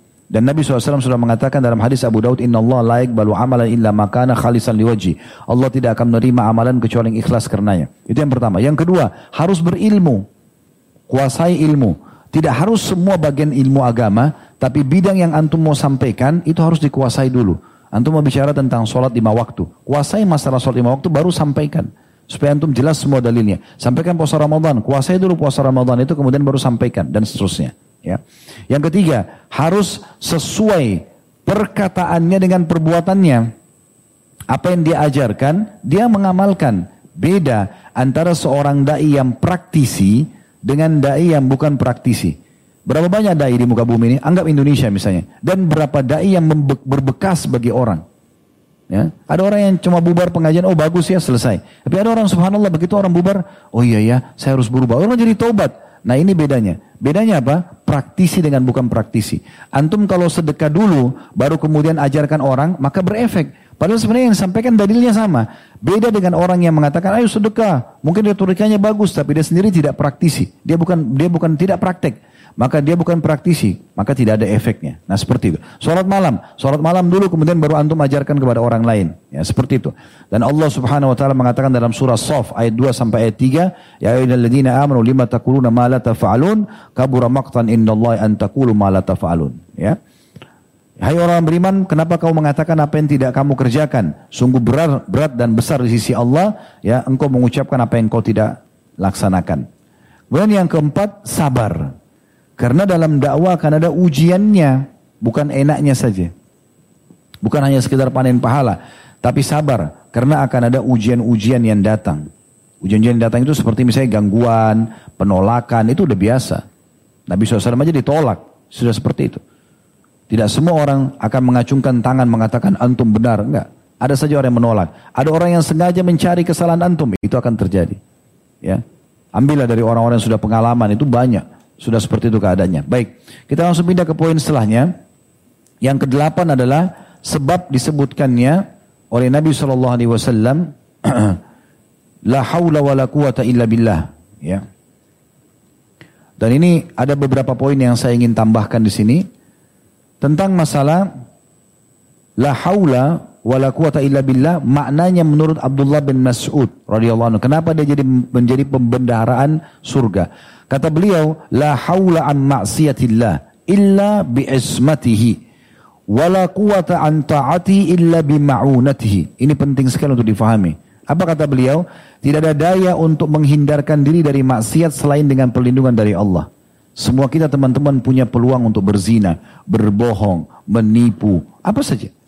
Tapi kalau Allah mau selamatkan kita, maka Allah akan selamatkan. Itu makna la haula ya, tidak ada daya maksudnya untuk meninggalkan kemaksiatan kecuali dengan pertolongan dari Allah. Dan juga wala quwata illa billah dan tidak ada kekuatan untuk melaksanakan ketaatan selain dengan pertolongan Allah. Kalau bukan Allah yang kasih kekuatan hati antum untuk hadir duduk seperti ini, mendengarkan satu jam, dua jam ceramah, saya pun sama menyampaikan, terus bicara gitu kan, menyampaikan ini tidak mungkin kita punya kekuatan dan keinginan kecuali Allah inginkan. Nah ini makna la haula wa la quwata illa billah. Nah orang yang sering mengucapkan kata-kata ini, maka dipastikan dia akan selalu diselamatkan dari maksiat dan akan selalu dimudahkan untuk beribadah. Itu makna dasar yang perlu kita tekankan dalam masalah la haula wala quwata illa billah. Kemudian juga ada riwayat yang perlu kita sampaikan. Riwayat ini diriwayatkan oleh Imam Ahmad bahwasanya Abu Ayyub Al-Ansari radhiyallahu menyampaikan anna Rasulullah SAW qala lailatu usriya bi marra alayya Ibrahim. Ya. Pada saat saya sedang malam Isra kata Nabi SAW, aku melewati atau uh, uh, uh, bertemu atau melewati Ibrahim. Ibrahim AS. Faqala man ma'aka ya Jibril? Maka berkatalah Ibrahim kepada Jibril, siapa yang bersamamu? Qala hadha Muhammad. Maka Jibril mengatakan ini adalah Muhammad. Faqala lahu Ibrahim, maka Nabi Ibrahim berkata kepada Nabi Muhammad SAW, mur, mur ummataka fal yukthiru min girazil jannah. Perintahkan umatmu akan memperbanyak mengucapkan tanaman dan perbendaharaan surga. Fa inna turbataha tayyibah. Ketahuilah bahwasanya tanahnya ya bu, surga itu bagus sekali. Wa arduha wasi'ah dan juga luas. Qala ma girazul jannah wa ma girazul jannah maka Nabi Muhammad SAW bertanya kepada Ibrahim alaihissalam apa itu tanamannya surga qala la haula wa la quwata illa billah la haula wa la quwata illa billah kemudian kisah yang masyhur al-Asy'a'i siapa Asy'a'i ini terkenal dengan Asy'a'i orang ini teman-teman sekalian dia pernah satu kali anaknya ikut jihad Lalu semua teman-temannya pulang kecuali anak dia. Maka dia mengeluh kepada Nabi SAW bersama istrinya, ya Rasulullah, anak kami nggak jelas nih.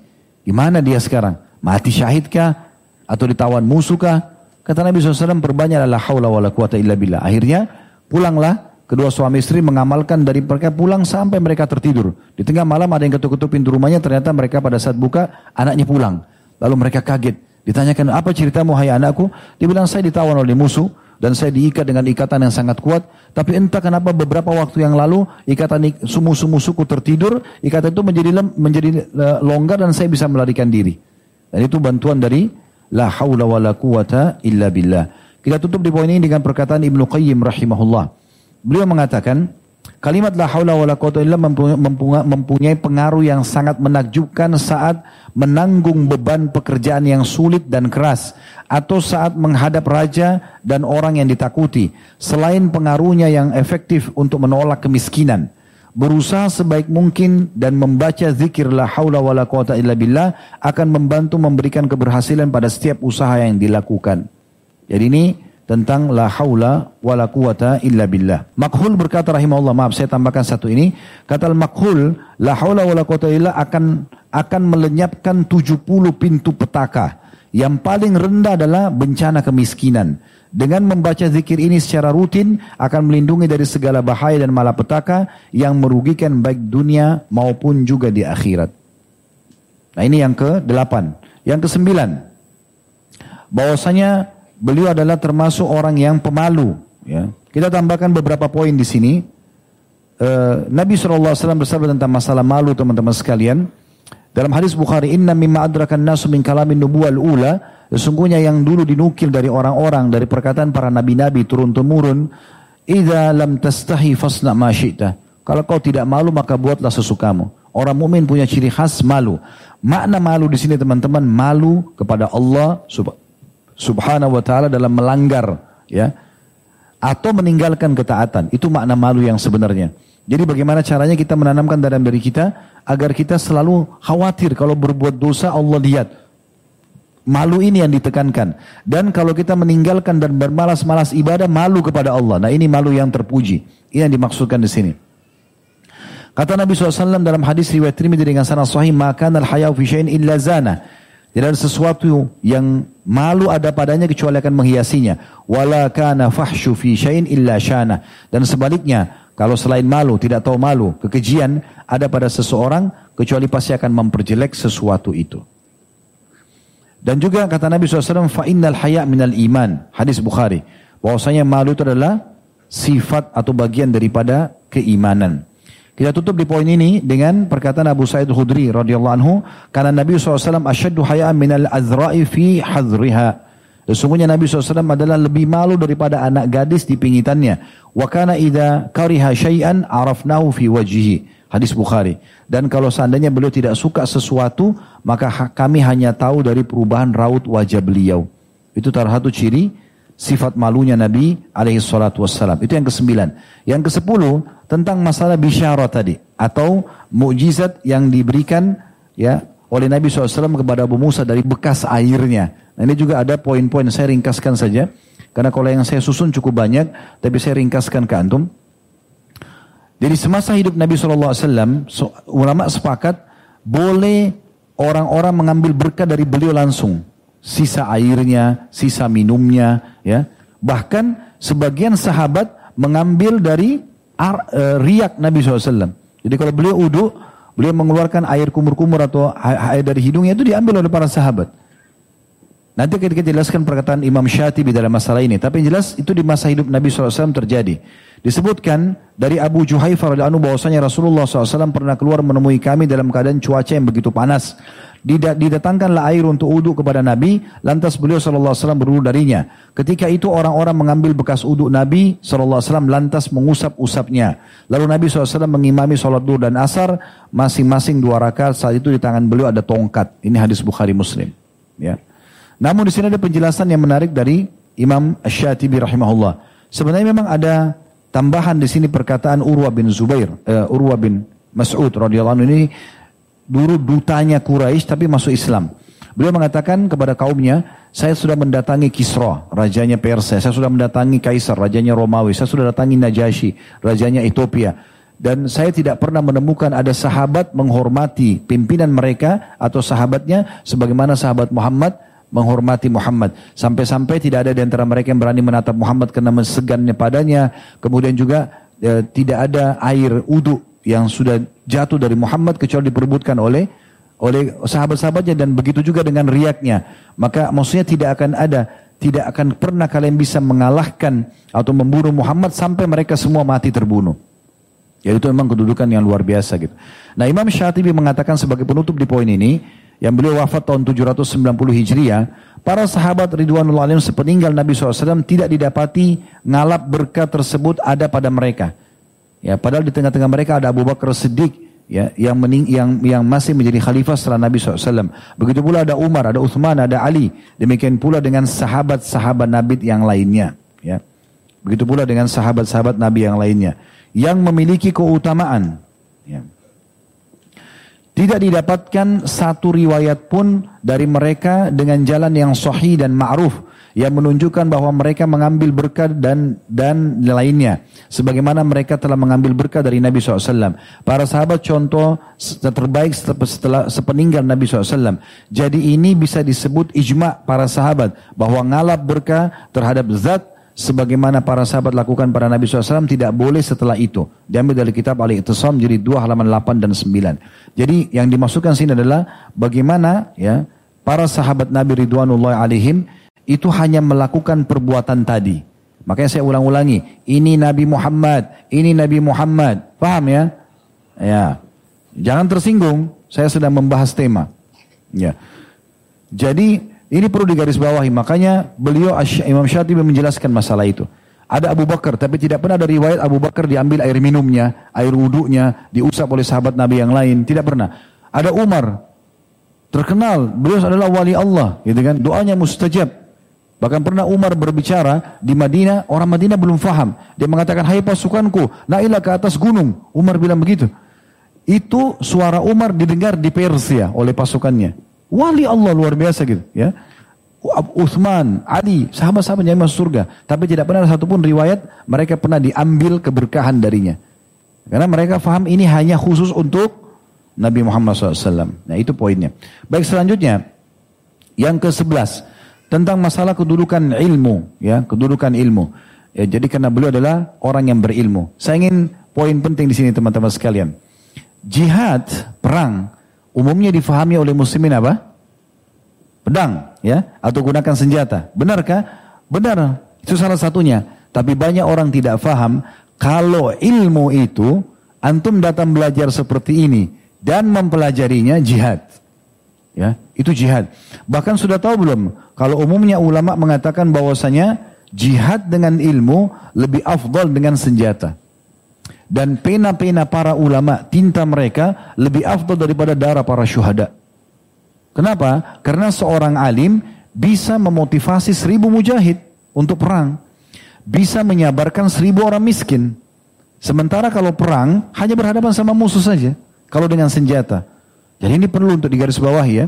Ada poin di sini saya ingin uh, sampaikan teman-teman sekalian. Poin ini menurut saya penting sekali untuk difahami tentang masalah ilmu termasuk bagian daripada jihad. Ya. Ini jangan dianggap remeh. Yaitu beranjak daripada sabda Nabi SAW dalam hadis yang diriwayatkan Tirmidzi, "Man kharaja fi talab al-ilm fa huwa hatta yarji'." Siapa yang keluar menuntut ilmu, maka dia di jalan Allah sampai dia pulang, ya. Dan Abu Darda radhiyallahu mengatakan, siapa yang menganggap bahwa berjihad dengan ilmu bukan jihad, maka ia maka ia akal dan logikanya salah. Maksudnya adalah orang yang salah dalam pemahaman. Oleh karena itu ini perlu digarisbawahi teman-teman sekalian ya. Jadi dalam keutamaan ilmu ini cukup banyak kita ringkaskan juga dengan beberapa dalil yang lain yaitu kejar keutamaan ini ya. Dalam hadis Bukhari Muslim kata Nabi SAW, Inna Allah wa malaikatahu wa hadis samawati wal aradin. Sesungguhnya Allah dan malaikat-malaikatnya jumlahnya miliaran malaikat. Dan seluruh penghuni langit. Dan juga seluruh penghuni bumi. Hatta namlatu fi juhriha. Sampai semut di lubangnya. Wa hatta huta. Sampai ikan-ikan paus besar. Ikan paus yang ikan besar di lautan. La yusalluna ala muallimin nasil khair. Akan terus memohon ya kebaikan untuk para pengajar kebaikan. Ya, jadi ini kita perlu ketahui. Ya.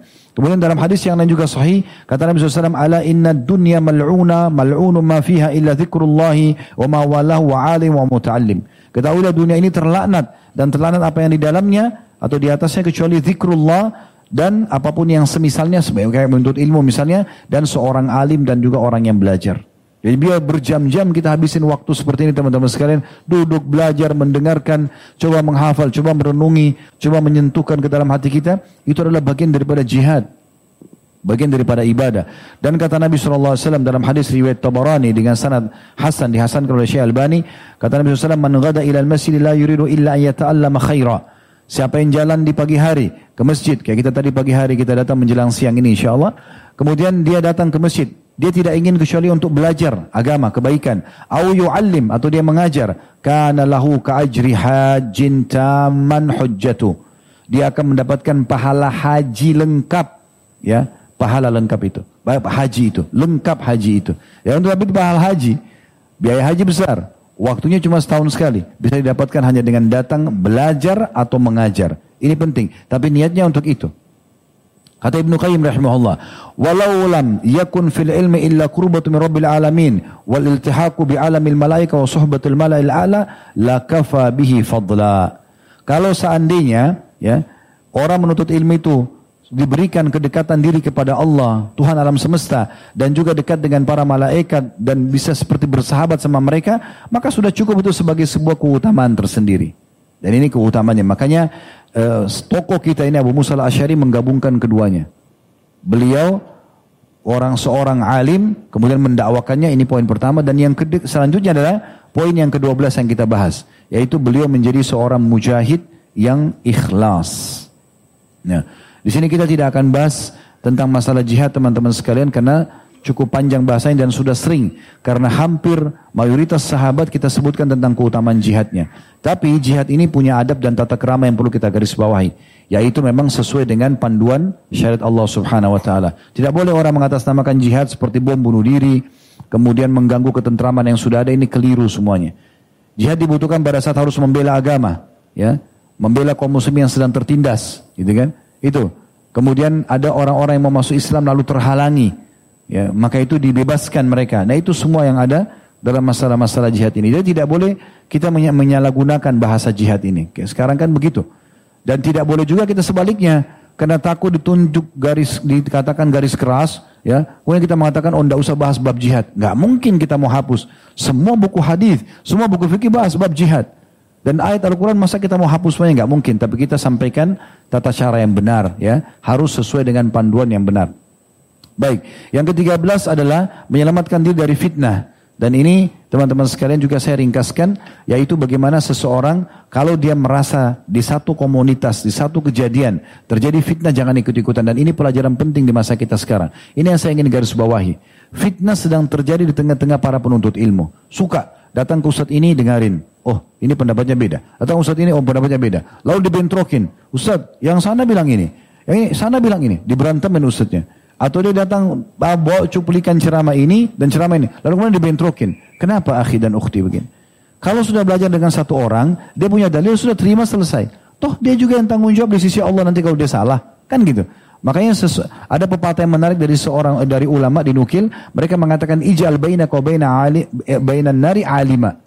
Jadikan antara dirimu dengan neraka seorang alim. Kalau kita sudah belajar dari satu orang tahu, kecuali dia salah dalam menyampaikan fatwanya. Tapi kalau sudah benar selesai, amalkan saja. Kenapa harus kita bentrokin diri kita? Ada orang memang suka masuk dalam bab itu. Membuat permasalahan dalam dirinya sendiri, dia sendiri berkecamuk. Atau kita temukan mungkin dalam kesalahan memang orang ini bukan menuntut ilmu. Hanya untuk mencari nama saja. Ya, sengaja lempar pertanyaan, menyudutkan, sengaja ingin mengetes. Tidak ada manfaatnya. Kalau tidak suka, jangan. Dan tidak usah ikut-ikutan. Ini poin yang ingin saya titik beratkan dalam menyelamatkan diri dari masalah fitnah. Ya, apa pun yang mengganggu keimanan kita, jangan masuk di situ yang dilakukan oleh Abu Musa al Yang terakhir teman-teman yang ke-14 adalah beliau adalah ahli ibadah dan juga ahli zuhud. Dan kita tutup dengan ini teman-teman sekalian.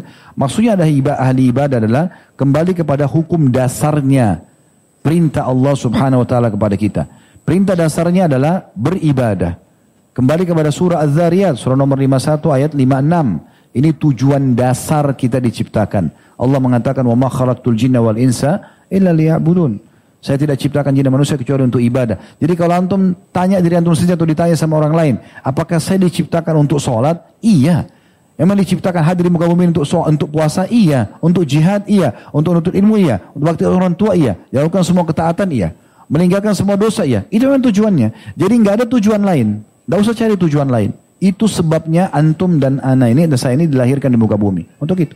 Untuk ini dulu majelis ilmu, untuk pulang nanti kita bersedekah kalau ada orang miskin, untuk sebentar baca Quran, untuk sholat berjamaah, memang untuk itu. Sampai kita mati.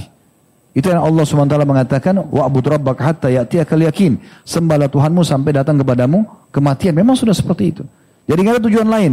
Orang yang selain ini berarti tidak punya tujuan. Atau mungkin dia bukan seorang muslim yang sejati. Oleh karena itu ini yang kita yang titik beratkan teman-teman sekarang. Karena dalil tentang masalah ibadah sudah sangat masyhur insyaAllah. Allahu alam. Begitu teman-teman sekalian, bihamdika, asyhadu an la wa atubu ilaik. Wassalamualaikum warahmatullahi wabarakatuh.